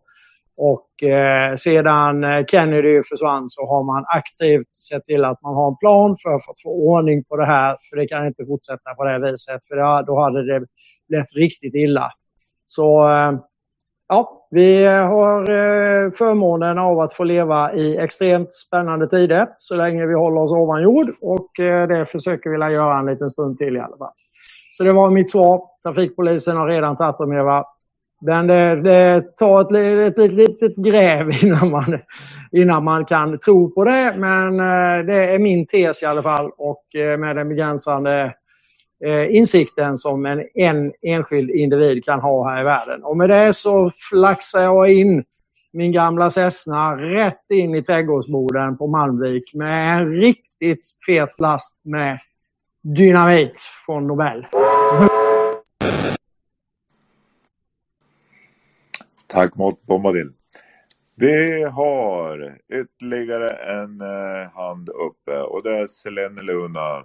Sen ser jag ingen ytterligare och eh, i sådana fall så önskar jag er välkomna till vårt historiska space ikväll. 1917. Glöm inte det. Men Selene Luna och sen får väl Cornelia avsluta sitt eftersnack här. Eh, Marcus, du skulle behöva... Jag har ju hittat det där som Karl har pratat om att eh, Karl, och, Karl Schwabs pappa hjälpte Wallenberg i Norsk Hydro via, via Hydro. Vad heter den förbannade jävla företaget nu? Jävla schweiziska företag. Ursäkta, blir det svenska där. Men vad heter det? Och de reagerar ganska starkt, amerikanerna, på det. Mm, får jag gå tillbaka till bokmärkena igen. Han, företaget hette, och jag kan inte riktigt uttal. det företaget hette Ersuvus och Chi tror jag uttalas, jag är inte säker. Men de gjorde vattenturbiner. Och det var ju de turbinerna som sitter i rikan. Och, och det är liksom hur kopplingarna går där. Så jag hittade som Karl har hittat också, men då, det, var väldigt, det var bara några artiklar som nämnde om att han var chef eh, över det här företaget som gjorde. Han heter EU William Svars, tror jag, om jag uttalar det rätt. Men jag har liksom hittat och gjort ordning en, en tråd till amerikanerna, men den är väldigt men jag försöker översätta de, eh, det som jag vet som är svenska artiklar som ska gå över så amerikanerna ska se vad vi har hittat i våra artiklar. Och det är det jag jobbar på. Jag har översatt Palmedutt och, och eh, Lenins alla grejer, Lenin och Stalin och allt. Det, det, det har noterats, så är det. Så det är det jag har gjort. Och det är det så det, det är jättejobbigt att gå igenom allt det här. Jag vet inte vad jag ska gå next. För det är bara... Jag var inne på Patton också nu och tog med Bonde och kära P, Peder Bonde. Som, för Bondefamiljen är väl kopplad till Wallenberg också. Med tanke på den här som gick upp i brand och ställde Polaris och hela den kalaset. Ja, det finns ju kopplingar överallt. Där, där har vi att göra resten av våra liv om vi inte söker genvägarna som, som redan finns. Men det är underbart att du gräver. Nu har världen problem med anslutningen får jag information om här. Eh, Så vi får se om det kraschar. Men Cornelia får avsluta sitt eh, eftersnack här. Tack alla åhörare, tack alla talare, tack allihopa. Tack Åsa också. Våga vara som Åsa, våga komma upp och ställa eh, obekväma frågor. Tack allihopa. De, behöver- de behöver inte vara så obekväma. Det är bara att våga, våga påstå och säga saker som andra inte håller med om. Det är det som får oss att växa och utvecklas. Och jag måste säga det att det är så fantastiskt att du eh, Alltså du är så i sak. Du diskuterar i sak. Så du kommer upp och så bara pratar du i sak. Eh, och det är så fantastiskt hur man kan vara så inne i sin research. Och, och det är det vi måste vara. Vi måste verkligen diskutera i sak. Eh, så att kan vi bara hålla oss till att diskutera i sak så kommer vi vidare. Så fort vi börjar tycka att eh, röstläge och så vidare. Jag ska bara säga så här, jag har gjort en spellista på Youtube som heter Eftersnack. Så där återpublicerar jag alla så att man bara får själva eftersnacket då. Idag lyckades jag med bragden, när jag tappade connection i Space så lyckades jag gå in i ett annat amerikanskt